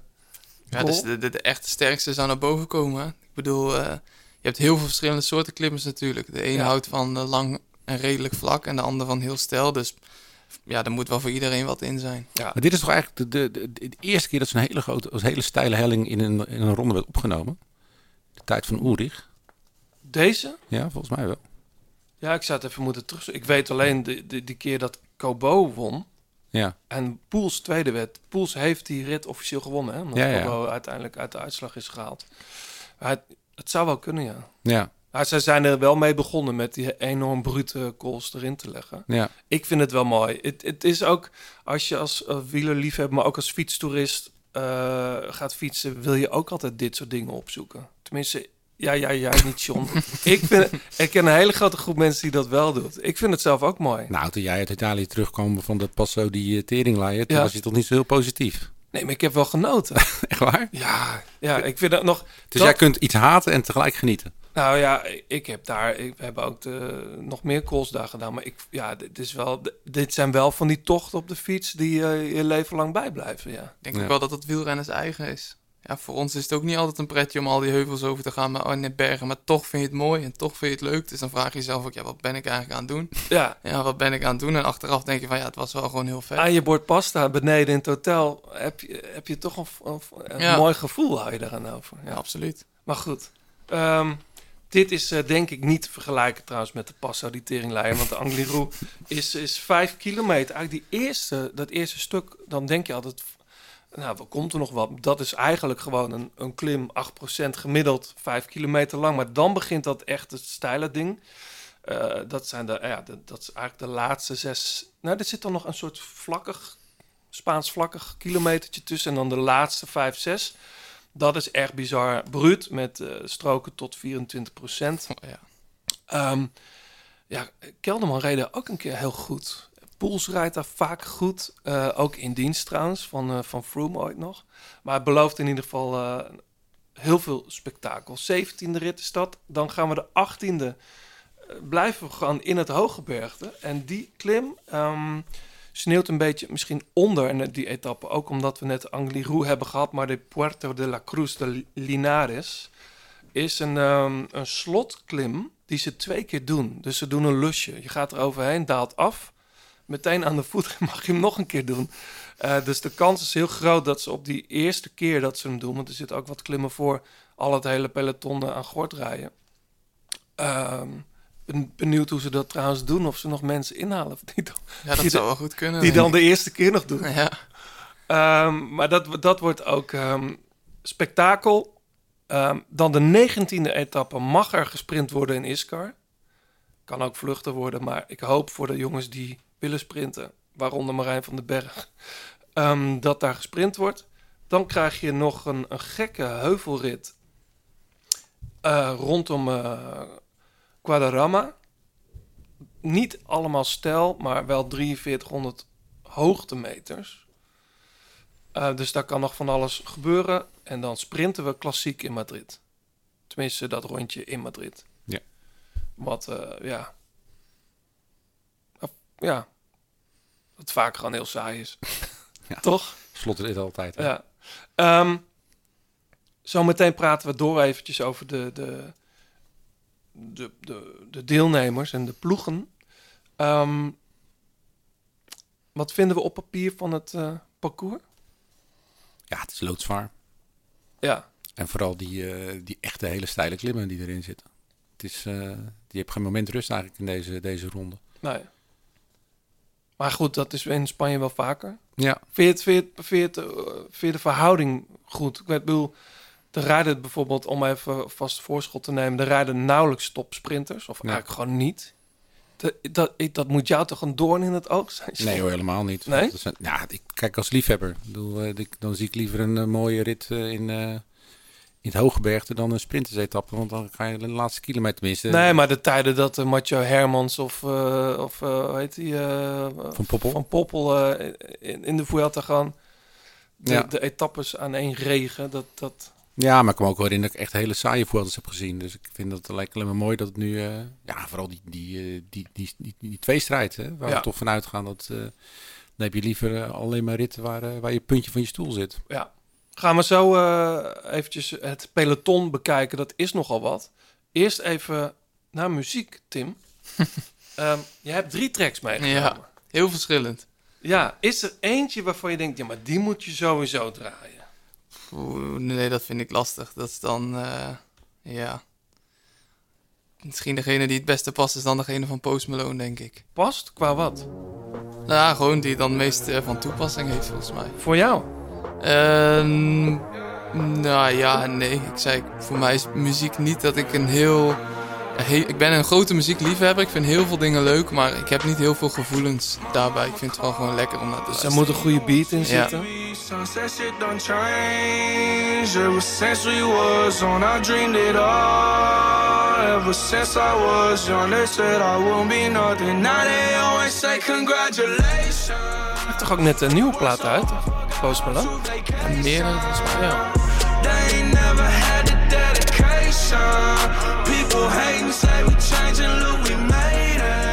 Draai je muziek op de fiets?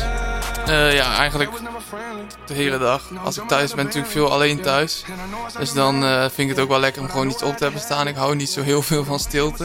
Op de fiets kan ik ook wel genieten van de stilte, zeg maar. Gewoon van om me heen. Maar dan hoor je ook altijd wat. Ja. Maar ik heb wel eh, heel veel muziek aanstaan. Maar ook heel veel verschillende muziek. Maar playlisting dan? Of op Spotify Ja. of Apple? Of hoe? Ja, eigenlijk gewoon verschillende playlists. En af en toe is zo, dit staat dan bijvoorbeeld ook wel tussen mijn favorieten. Als ik denk van dit vind ik gewoon lekker om naar te luisteren. Ja. heb ik een mixje van alles en nog wat. En die mixjes maak je zelf? Eh, nou ja, soms dat ik zeg met enkele nummers. Dus dan weet ik van dit vind ik sowieso leuk. Dus dan Ja. zet je dat af en toe op. Maar ja, dat, dat loopt ook zo uiteen. Dat is, ja, ik heb bijvoorbeeld ook een wat harder nummer doorgestuurd. Wat ik gewoon... Brandon Hart. Ja, Fight for Something. Ik vind dat trouwens... In het verleden maakte hij nog veel hardere tracks, toch? ja, dit is ook wel een iets ouder nummer volgens mij. Maar dit vind ik gewoon ja, op de fiets heel lekker. Try a little harder, you push a little further, you give a little more yourself, and every now and then Of in de auto soms, als je even lekker hard... eh, keeps you humble. Remember to be proud of yourself. Het is wel een eh, motivatienummer. eh. ook dat. Ja. Het echte hardstyle gedeelte komt nog. Ja, dat is volgens mij een stukje later. Maar dit is inderdaad ook, ja, het gaat over hard werken. En je moet er alles voor doen. Dus eh, ja, dat doen wij op de fiets ook. Ja.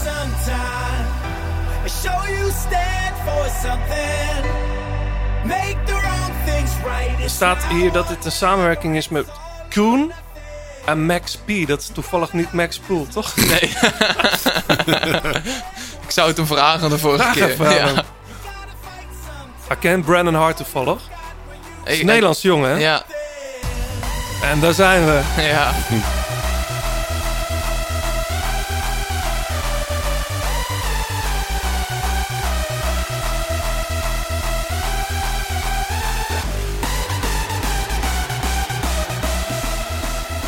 Maar is dit ook iets wat je draait eh, met inrijden of zo? Of, of- Onder andere, ja. Ja, of, als als er de eh, controleur nee. als we zware blokken aan het doen zijn, vind ik dit ook heerlijk. En eh, nee, ja, dit is gewoon muziek. Als ik gewoon even vol gas ervoor wil gaan... of gewoon verstand op nul en rammen, zeg maar... dan is dit eh, Ik kan me wel voorstellen. waar ik naar nog luisteren. nooit hardstyle gehad. In de, Nou,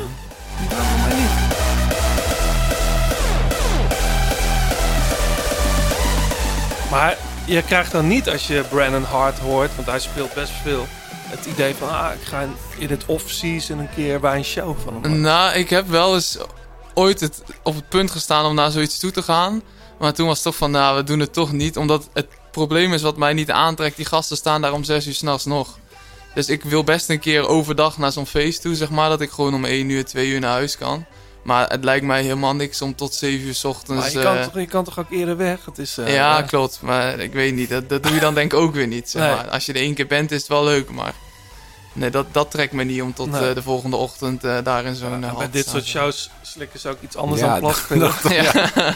ja, dat mogen wij dan ook weer niet. Nee, het, sleutelwoord is Ja. drugs volgens mij Ja. in dit geval. Maar nee, ik had het er met Niels Eekhoff over en die zei direct tegen mij, eh, ja, dat wordt hardstyle dus. Want ik had het over muziek meenemen. En toen zei ik van, ja, ik weet eigenlijk niet zo goed of dat wel past. En, eh, maar toen dacht ik, ja, het gaat uiteindelijk om wat ik dan Tuurlijk, luister. dat Dus, vinden we juist leuk. Ja. Om, om dingen te horen van wat, wat, wat draai jij. Wat, ja. Maar zegt dit, zegt dit, dit, de titel van die track, Fight for Something, zegt dat iets over jou?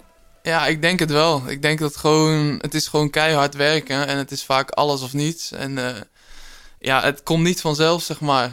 Mijn broertje en zusje hebben ook gefietst en die waren ook zeker wel talentvol. Maar die vroegen dan aan mij van, ja, hoe doe je dat dan een uur lang alleen fietsen? Dat is toch helemaal niet leuk? Hoe doe je dat? Ja, en voor mij was dat normaal. Het was gewoon altijd keihard werken en eh, Ja. ja. dan ja, je passie uithalen. Ja, hoe doe je dat? Een uur alleen Ja, fietsen? ja, die vonden dat heel... Die zeiden gewoon, ja, dat kan ik gewoon niet. Dat vind ik niet leuk. En, en Maar dan ja. ben je ook niet het juiste hout gesneden, denk ik hoor. Als je dat eh, een uur alleen fietsen al moeilijk vindt, dan, Ja. eh, dan moet je wat anders gaan doen. Maar hadden zij, hadden zij ook de ambitie om, om Mm, prof te worden? Of? Ja, dat weet ik niet. Ja, je zegt natuurlijk als kleinkind altijd... ik wil profielrenner worden, zeg maar. Dat zegt iedereen die dan fietst, want dat vind je heel bijzonder. Eh, maar ja, die kon ook gewoon goed fietsen. En eh, mijn zusje bijvoorbeeld zag je op een gegeven moment... die begon in de eerste waaier. Dus die begreep het spelletje ook heel goed. Maar ja, als je niet traint, dan kom je halverwege de koers... in de tweede, in de derde, in de vierde... en dan ja, zak je vanzelf terug. Dus Maar ja, je moet er ook een hoop voor opgeven. Want hoe heb jij dat bijvoorbeeld met je studie gedaan?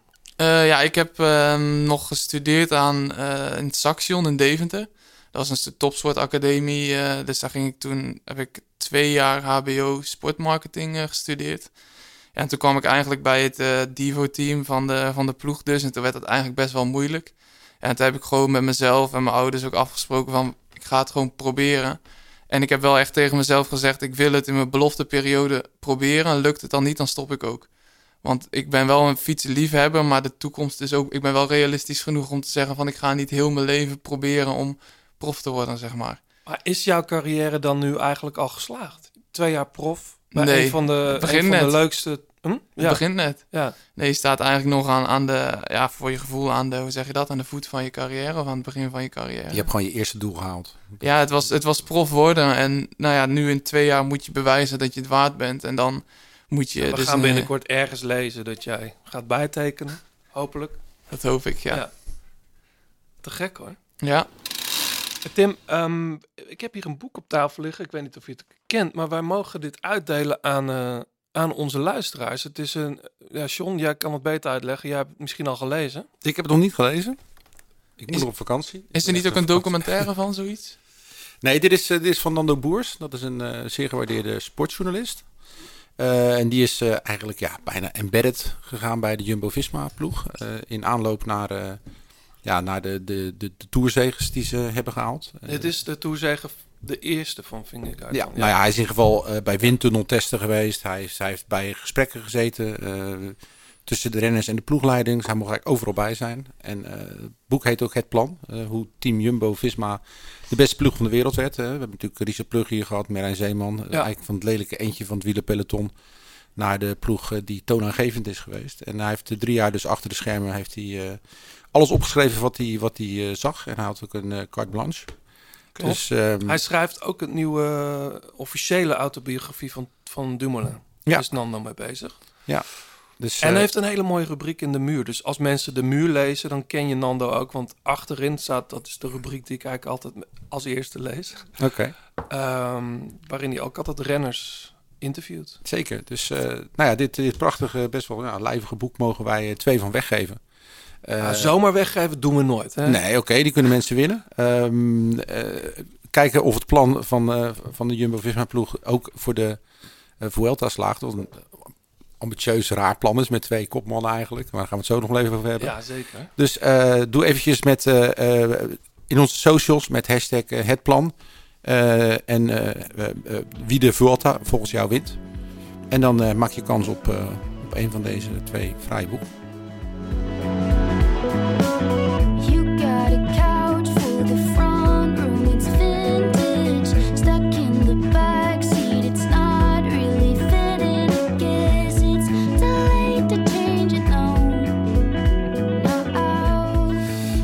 Ja, we zitten, we zitten veel in de, in de muziek eh, met eh, leading ladies.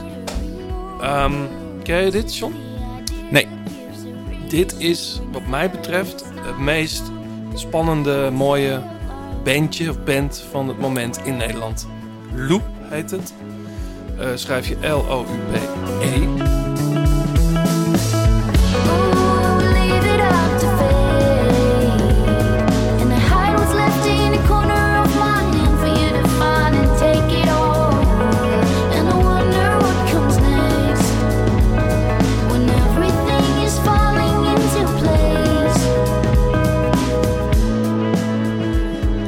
Jaar, eh, niet heel lang geleden hoor, juni geloof ik, al twee maandjes geleden kwam hun eh, debuut uit. Amsterdams collectief. Ehm, Hele mooie plaat. Heel veel gedraaid al. Misschien samen met Boy Genius wel eh, het meest gedraaid dit jaar. Tenminste, zeker in de zomer.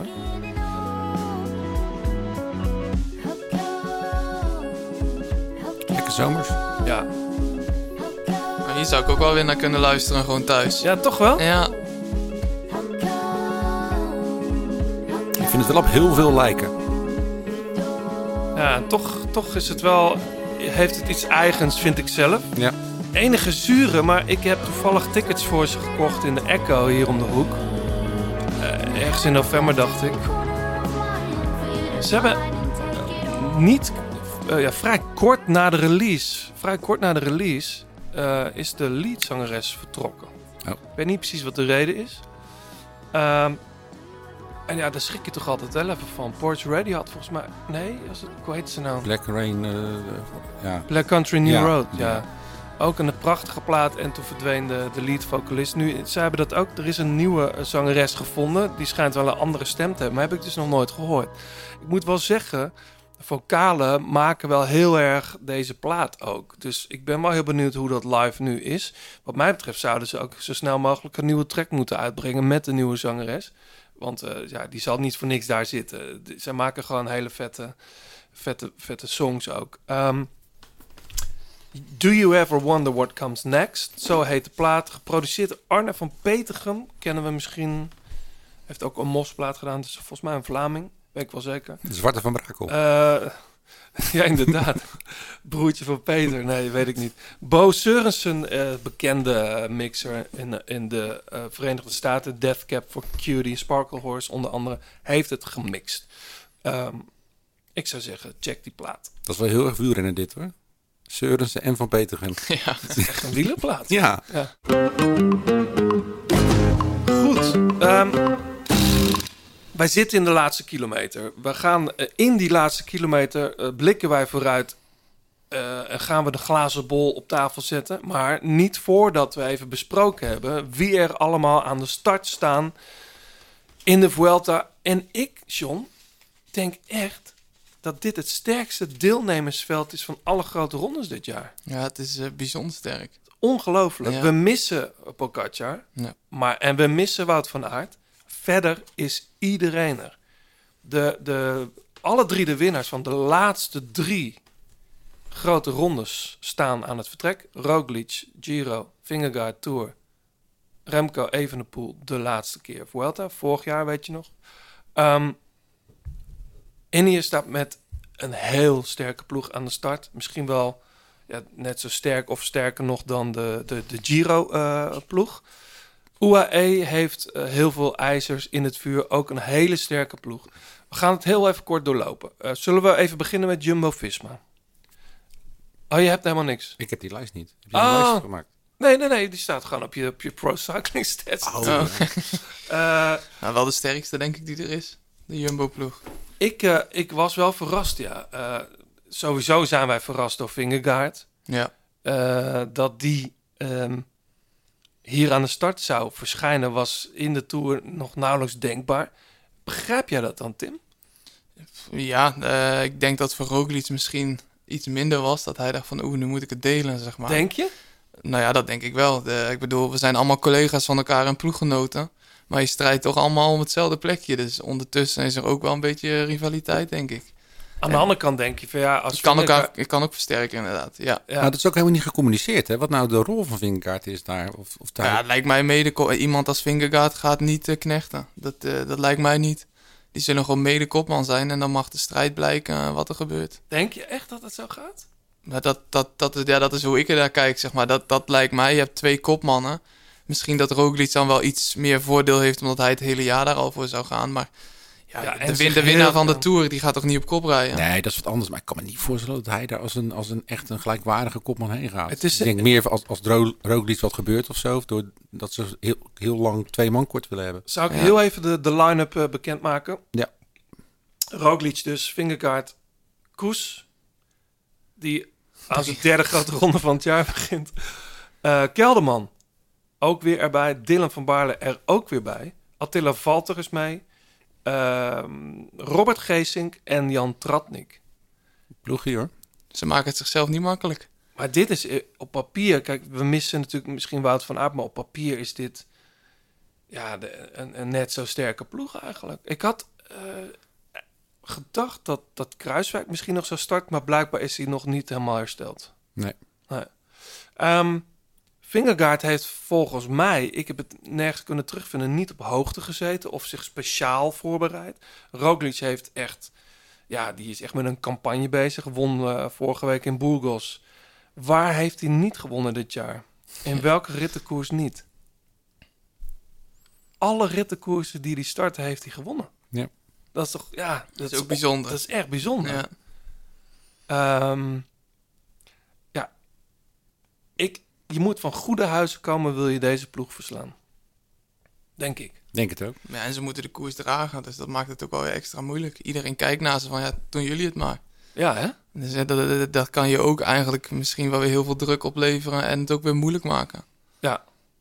Nou, ik weet nog die, die strakke gezichten vorig jaar in Utrecht met de ploegentijdrit toen ze ook eventjes zouden komen winnen. Nou, Ja. daar dachten zij natuurlijk zelf echt niet zo over. Aan de andere kant hadden ze al wel bedacht wie er in het rood mocht rijden, namelijk Ge Geesing. Benieuwd hoe ze dat dit jaar eigenlijk doen. Ehm UAE. Op Ja. papier denk ik het tweede sterkste team. Eh, starten met Almeida en Ayuso. Mogen, zijn allebei nog eh, eh, kandidaat voor de jongere trui, hè? Ja. Ja, van, van Ayuso weten we dat Almeida zou je bijna vergeten, maar dit, dat dus ook. Molano start daar. Ik denk dan toch om die, die drie, vier sprintkansen te pakken of zo. Wonnen ook volgens mij ook in Burgos, denk ik. Ja. Ja, maar ook wel iemand voor de, voor de vlucht, hè? Finn Fisher Black heb ik nog weinig zien rijden in het shirt van UAE. Nou, die rit die die won in eh, Sicilië. Ja, Dat hij van kop af aan even ja wegreed. zeker. Ja. Echt Geblesseerd geweest volgens mij. Wat zeg je? Veel geblesseerd geweest Ja, volgens mij, ja. Ja. Komt van eh, het Divo-team van, van Jumbo, hè? Ja, Eh, Oliveira eh, en Oliveira, zijn, dat zijn toch broers of niet? Weet ik eigenlijk niet. Soler rijdt en Jay Fine rijdt ook. Won nog eh, eh, twee ritten, denk ik, in de Vuelta, twee jaar geleden of zo. Viel toen ook heel eh eh, parmantig. Voor een Swift-rijder best wel. toch? Ja. Toch gaat tegen die auto aan. ja. Ehm, Hij heeft niet zijn beste jaar, hè? Jay. nou ja, hij- in de Giro was hij echt in orde. Ja, maar Is hij, er toen, is hij toen ziek geworden of zo? weet ik eigenlijk niet. Ja, ik weet het niet. Het is wel een jongen en, en ik, dat vraag ik me echt bij deze ploeg misschien nog wel meer af dan bij, bij Jumbo. Wie is, wie is hier de kopman? Almeida of Ayuso? ook gedeeld denk ik. Ja? Ik bedoel, het zijn allebei nog... Ja, ze hebben natuurlijk... eh, ze zijn goede klassementsmannen, maar ik weet- hebben ze ooit een grote ronde eh, heel kort eh, geëindigd? Ay- Almeida, wel, volgens En mij. Ayuso is vorig jaar derde, denk ik. Ah, Ben ja. ik nu, eh, zit ik nu helemaal verkeerd te denken. Nee, dat zou eigenlijk best wel kunnen, ja. Ik denk dat Ayuso, maar het sowieso vind ik dat echt een toptalent. Hij heeft heel veel gezeik gehad hè, met een peesontsteking of zo. Ehm, maar ja, was wel, ja, ik vond hem wel. Eh, in Zwitserland won hij toch? Ja, hij is wel weer op de goede weg terug. Hele mooie renner om te zien. Maar ik vraag me dan af, Almeida of Ayuso gaat Botert dat, weet je? Ayuso rijdt eh, zelfs het eerste weekend volgens mij eh, half langs zijn geboortestad, geboortedorp. Eh, gaat dat goed komen? Nou ja, het maakt niet zoveel uit een boter tussen hun. We Nee? moeten gewoon zorgen dat ze bij Evenepoel en Rooklucht kunnen blijven. Dan zien het vanzelf wel wie er kort Ja. komt.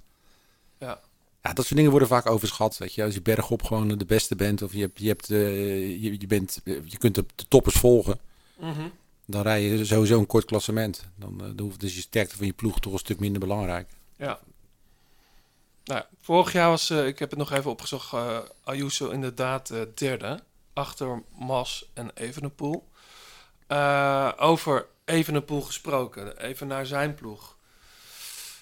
Wat vinden we daarvan? Eh Ilan van Wilder start daar niet. Eh, van Zevenand ook niet. Dat waren toch wel, voor mij in ieder geval, de sterkere jongens eh, bergop in de Giro voor hem.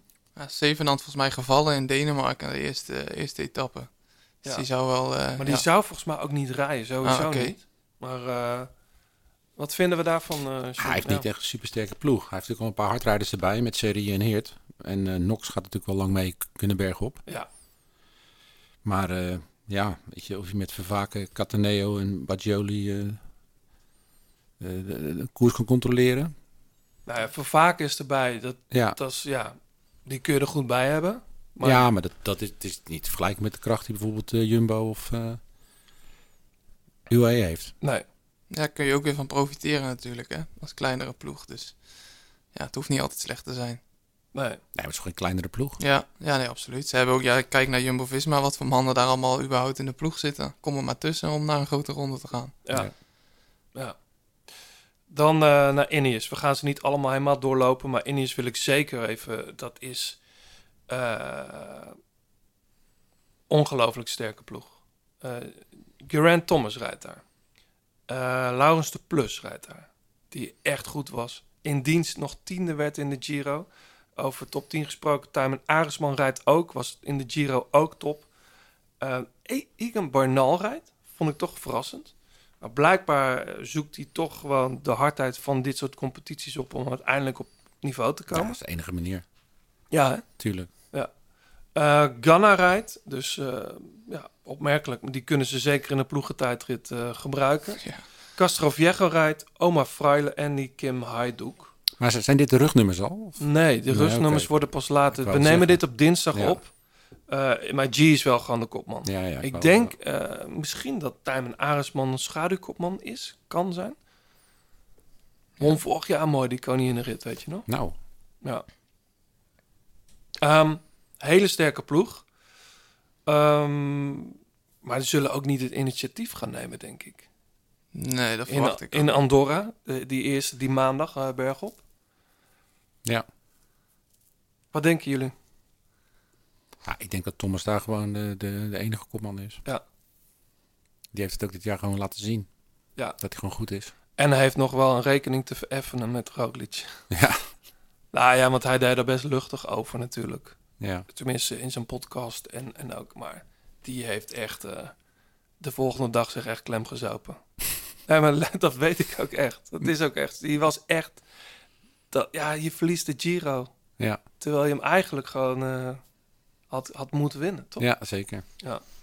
Ehm, eventjes de andere ploegen. eh, met alle respect gaan we, eh, gaan we niet helemaal doorheen. Maar toch even, Tim, jij zit hier. Jouw ploeg, Team Ja. DSM. Jij bent er niet bij. Bardet is er wel bij. Vond ik ook verrassend. Beetje tegenvallende tour. Al beetje. Tegenvallende tour, John. Ja, gevallen tour. Ja. Eh Com, Combau, Romain Combau. Ik ken hem helemaal niet, Tim. Wie, jij kent ken jij? Ja, ja, nee, zeker. Die ken ik heel goed. eh. Wat is er van gast? Eh, ja, ook een beetje meer in de, in de captainrol, zeg maar. Ja. Ondersteunen. Ook gewoon, ja, ondersteunende. kun je altijd op rekenen. Dus Ja. voor een ploeg wel een, een goede jongen om erbij te hebben. Ja, dan startte daar ook Milesi en Darnese. Ja, Darnese, zeker als hij er in de, in de sprint, bij de sprintkans nog bij is. Schrijf maar op, toch? Ja, hij won vorige week nog. Ja. Ehm, dan Sean Flynn, ken ik niet zo goed. Jonge gast ook, hè? Brit. Ja. Chris Hamilton, eh goede gast om erbij te hebben. Eh, en denk ik ook een soort leermeester voor eh, Oscar Only en Max Pool. Ja, ja, dat zijn denk ik eh, qua rondewerk de twee grootste talenten die er nou in huis zijn bij ons bij de ploeg. Het is denkbaar, Tim. En jouw grote baas Ivan Spekerbrink heeft hier een tijdje gezeten. Het is best denkbaar, John ook. Dat Tim, dat jij ooit in een tourploeg rijdt. Met een winnaar. Die de Tour gaat winnen. Dat hoop ik, ja. Dat is ook een beetje de lijn. In het peloton eh, worden die twee namen veel genoemd. En zeker Max Pool. Ja, ja die jongens zijn eh, verschrikkelijk talentvol. En die hebben denk ik al laten zien dat ze echt wel wat bijzonders in huis hebben. Ze, bedoel, ze zijn nog hartstikke jong, dus ja, winnen eh, zit er misschien niet direct in. Maar ik denk zeker dat ze in een etappe wel kunnen gaan verrassen. In deze Vuelta. Ja, dat denk ik wel. Ja, het is wel zo, en daar hebben we het ook al eerder ook met, eh, met Ivan over gehad, dat, dat de Vuelta vaak door jullie ploeg in ieder geval als een soort van ja, eh stageronde wordt, ge- wordt bezien. De jonge gasten mogen Ja. daar een beetje proeven aan het grotere werk. Ja, we hebben ook niet die... Je hebt natuurlijk Bardet dan als een beetje uitgesproken eh, klassementskopman. Maar verder in de ploeg hebben we die natuurlijk ook niet echt. Dus voor die jongens is het wel, ja, kijken wat je kan en neem het mee naar de toekomst. Ja. ja. Hey, even de andere, de andere ploegen als het gaat om, om mogelijke podiumkandidaten. Hè? Ik zie ze eerlijk gezegd niet, John. Of, of zie ik nu iemand over het hoofd? Ja, er is altijd wel iemand die verrast. Ja, Vlaasov en Kian Uiterbroeks Ja, zou je bijvoorbeeld nog kunnen noemen. Ja. Waarbij ik he- heel benieuwd ben, ben wat Kian kan. Ehm, het is wel echt een aanklamper, hè? Dat is, eh, je rijdt niet snel vanaf, maar het is niet iemand die bergop eh de lakens uitdeelt of zo. nee, nog niet. Nee, daarom, omdat hij, ook ju- pas 20. ja, Ja. omdat hij jong is. Dus eh, die gaat wel lang mee, denk ik. Ja. Eh Vlaasov is ook in goede doen. eh, liet hij al zien ook. Verder denk ik dat we de, de, de podiumkandidaten wel besproken hebben. Zou ik nog heel eventjes naar de Nederlanders willen gaan. Eh, we hebben een aantal al genoemd. Marijn van den Berg hebben we nog niet genoemd. Hopelijk schuift hij dit jaar nog even aan. Hij woont hier ook om de hoek. Is in hele goede doen. Won in de ronde van Paulus' eerste World Tour ploeg. eh, World Tour eh, Ja. wedstrijd. Ehm, en gaat denk ik ook echt mee om die drie, vier kansen die er zijn, om daar te gaan scoren. Ja. ja, ik denk zeker misschien in een echt helemaal vlakke etappe dat voor hem wat moeilijker is tegen de pure sprinters. Maar eh, als het een eh, pittige koers is met een sprint op het einde, dan, eh, dan maakt hij het meeste kans, denk ik. Ja, nou ja, je weet in Spanje is niks echt vlak. Nee, daarom. Ook de ritten die dan nu als sprintkansen worden gezien, het zijn redelijk heuvelachtig. Dus hij maakt wel een kans. Hij, is, hij zou misschien toen nog Denemarken rijden, is toen door, door zijn ploeg alvast naar Spanje gestuurd. Om daar eh, verder eh, aan zijn topvorm te, te bouwen, die hij eigenlijk in, in Polen al een beetje leek te hebben. Ja, zijn broer woont daar ook volgens mij in Spanje. Ja, hè, die Ja. Lars woont daar volgens mij, dus dan zou hij daar wel eh, naartoe zijn gegaan. dat zou het wel zijn, ja. ja. Eh, verder, nou, Tijmen Aresman hebben we genoemd. Ik verwacht daar stiekem toch wel wat van. Eh, Boy van Poppel voor Intermarché. En zijn broer ook, hè? Danny ook? Wat, sorry? Rijdt Danny ook? Nee, je hebt, ik, oh, sorry, ik ben in de war. Ik bedoel, eh, boy. Boy van Poppel. Ja. ja. Eh, Wilco Kelderman rijdt, hebben we ook al benoemd. Geesink natuurlijk, heel fijn om die weer terug te zien. Was een goede doen. Ehm, Wout Poels, hartstikke leuk. Eh, die heeft ons heel blij gemaakt afgelopen zomer in de Tour. Mooie rit was dat, die die. Ja. Dan Antoine Tolhoek, ook al lang niet echt in koers gezien. Tenminste, niet in de koersen die, die ertoe doen. Ook lang geblesseerd geweest. En Bauke Mollema.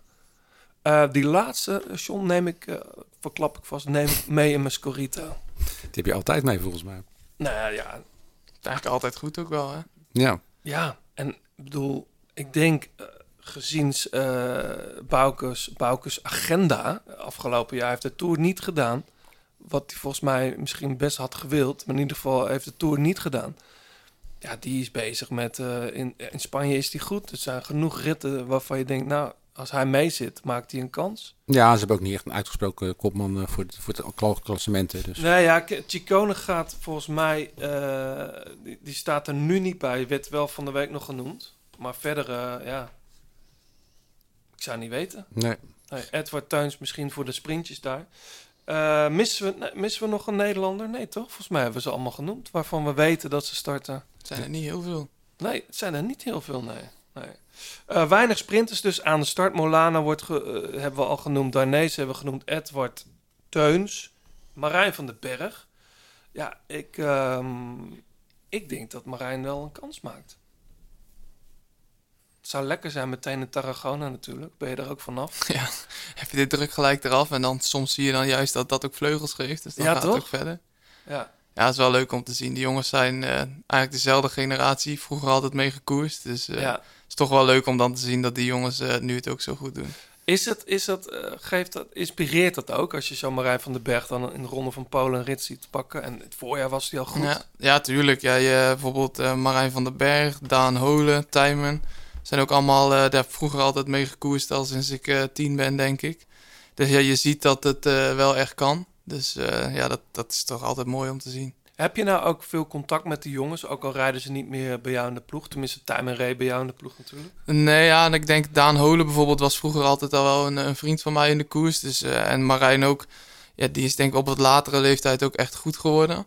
Dus eh, dat zijn jongens, als je die in de koers ziet, dan maak je daar een praatje mee en dan is het gezellig, zeg maar. Maar buiten, buiten de koers hebben we niet heel veel contact. Nee. Maar de, de andere van de berg, trouwens geen familie. Eh, Julius woont toch ook bij jou om de hoek, of niet? Ja, Roosendaal volgens Oh, mij. Roosendaal, ja. ja. Maar die ken ik dan weer niet zo goed. Die is net, net iets ouder. Ja. ja. Hey, ehm, zoals gezegd, de glazen bol staat op tafel. Wij gaan voorspellen ehm, wie de Vuelta gaat winnen.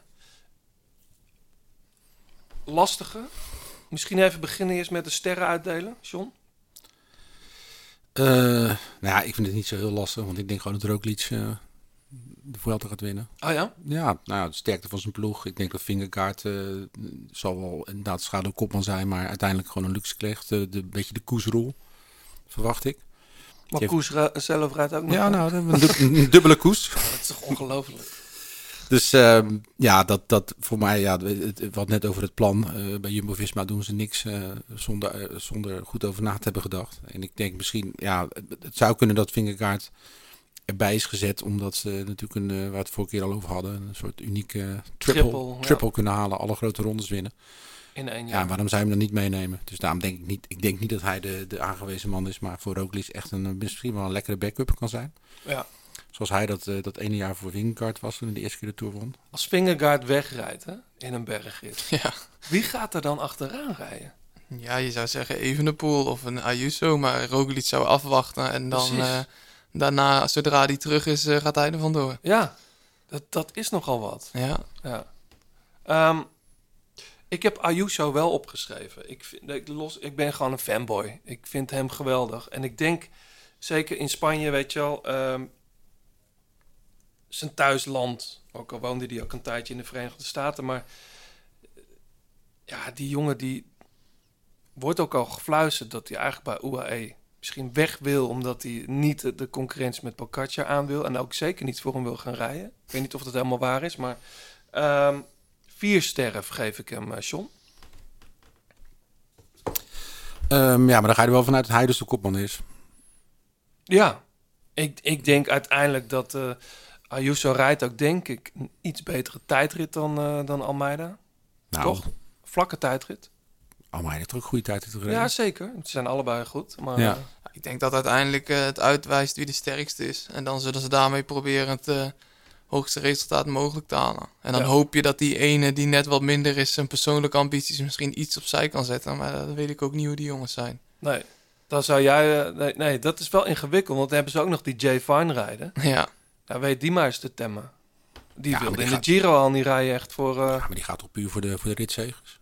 ja, maar je kan toch niet voor de ritzegers gaan op het moment dat je de, de Vuelta wil winnen? Ja, maar ik denk niet dat zij eh, echt erover nadenken dat ze de Vuelta gaan winnen. Ik denk, ik denk niet dat, dat, dat alles onder de klassementsmannen gaat draaien daar. Die gaan gewoon proberen te pakken wat ze pakken kunnen. Denk ik hoor.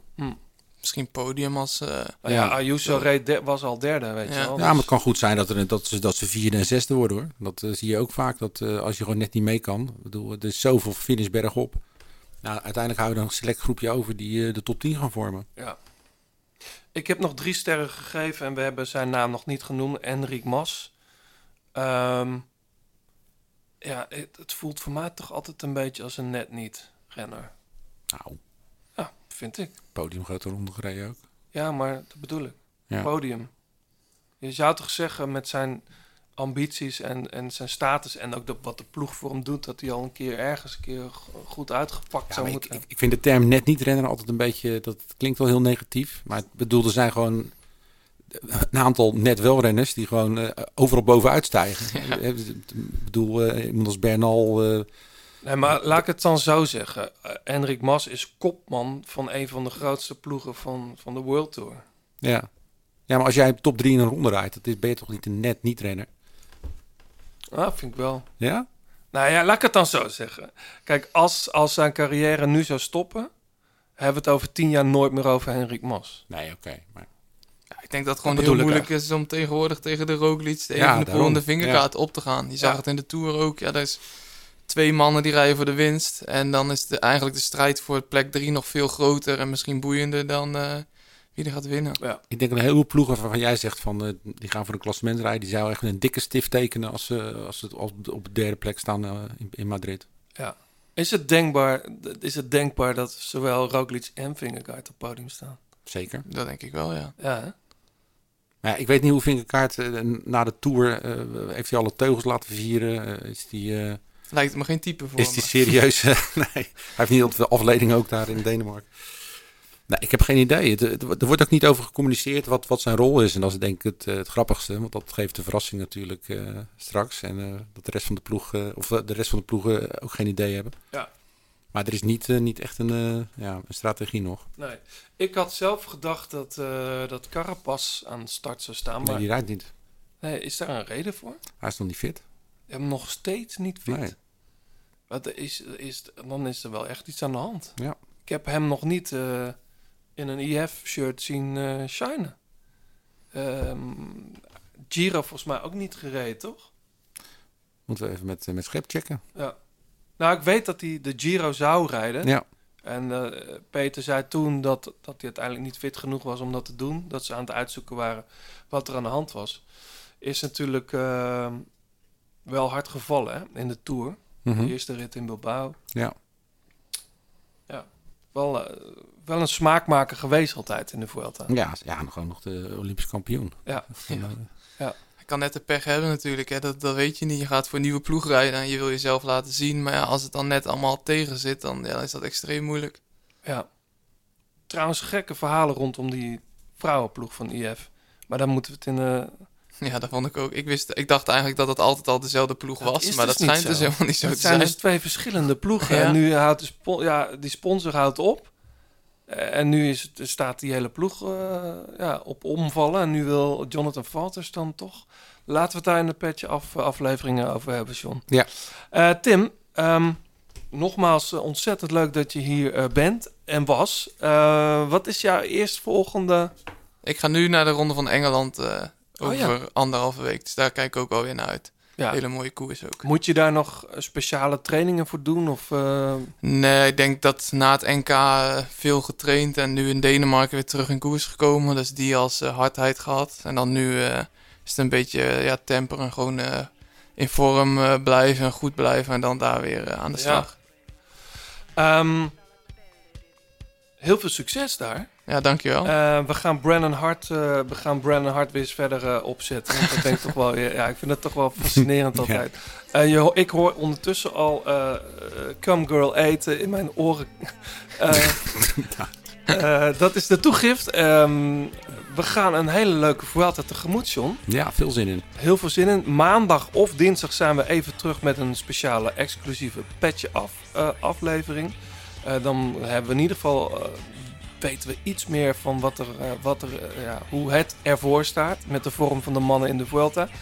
Ehm, tot zover denk ik. Ga Mensen nog bedankt. Ja, ga je gang. Zeker. Eh, nou, allereerst jullie natuurlijk voor het luisteren naar onze podcast. Fleur Wallenburg voor het uitlenen van haar prachtige stem. En 36 Cycling voor de fietskleding die je hier kunt winnen. En laat even een reactie achter op Apple Podcast of Insta, de Grote Plaat of X slash Twitter. En wie weet haal jij volgende keer de podcast. Tot zover. Tot zover. Tim, ehm, ja, ik hoop dat je morgen, morgenochtend wel kan uitslapen, jongen. ja, het zou wel fijn zijn. Maar ik verwacht niet eh, dat er op zo'n korte termijn weer iemand komt. Nee, ik weet het niet, maar Nee, ik hoop het niet kan je. altijd. Tot ziens. Ja, hartstikke bedankt dat ik hier mocht zijn. En eh, ik vond het leuk. Goed zo. Veel succes in Engeland. Dankjewel, komt goed.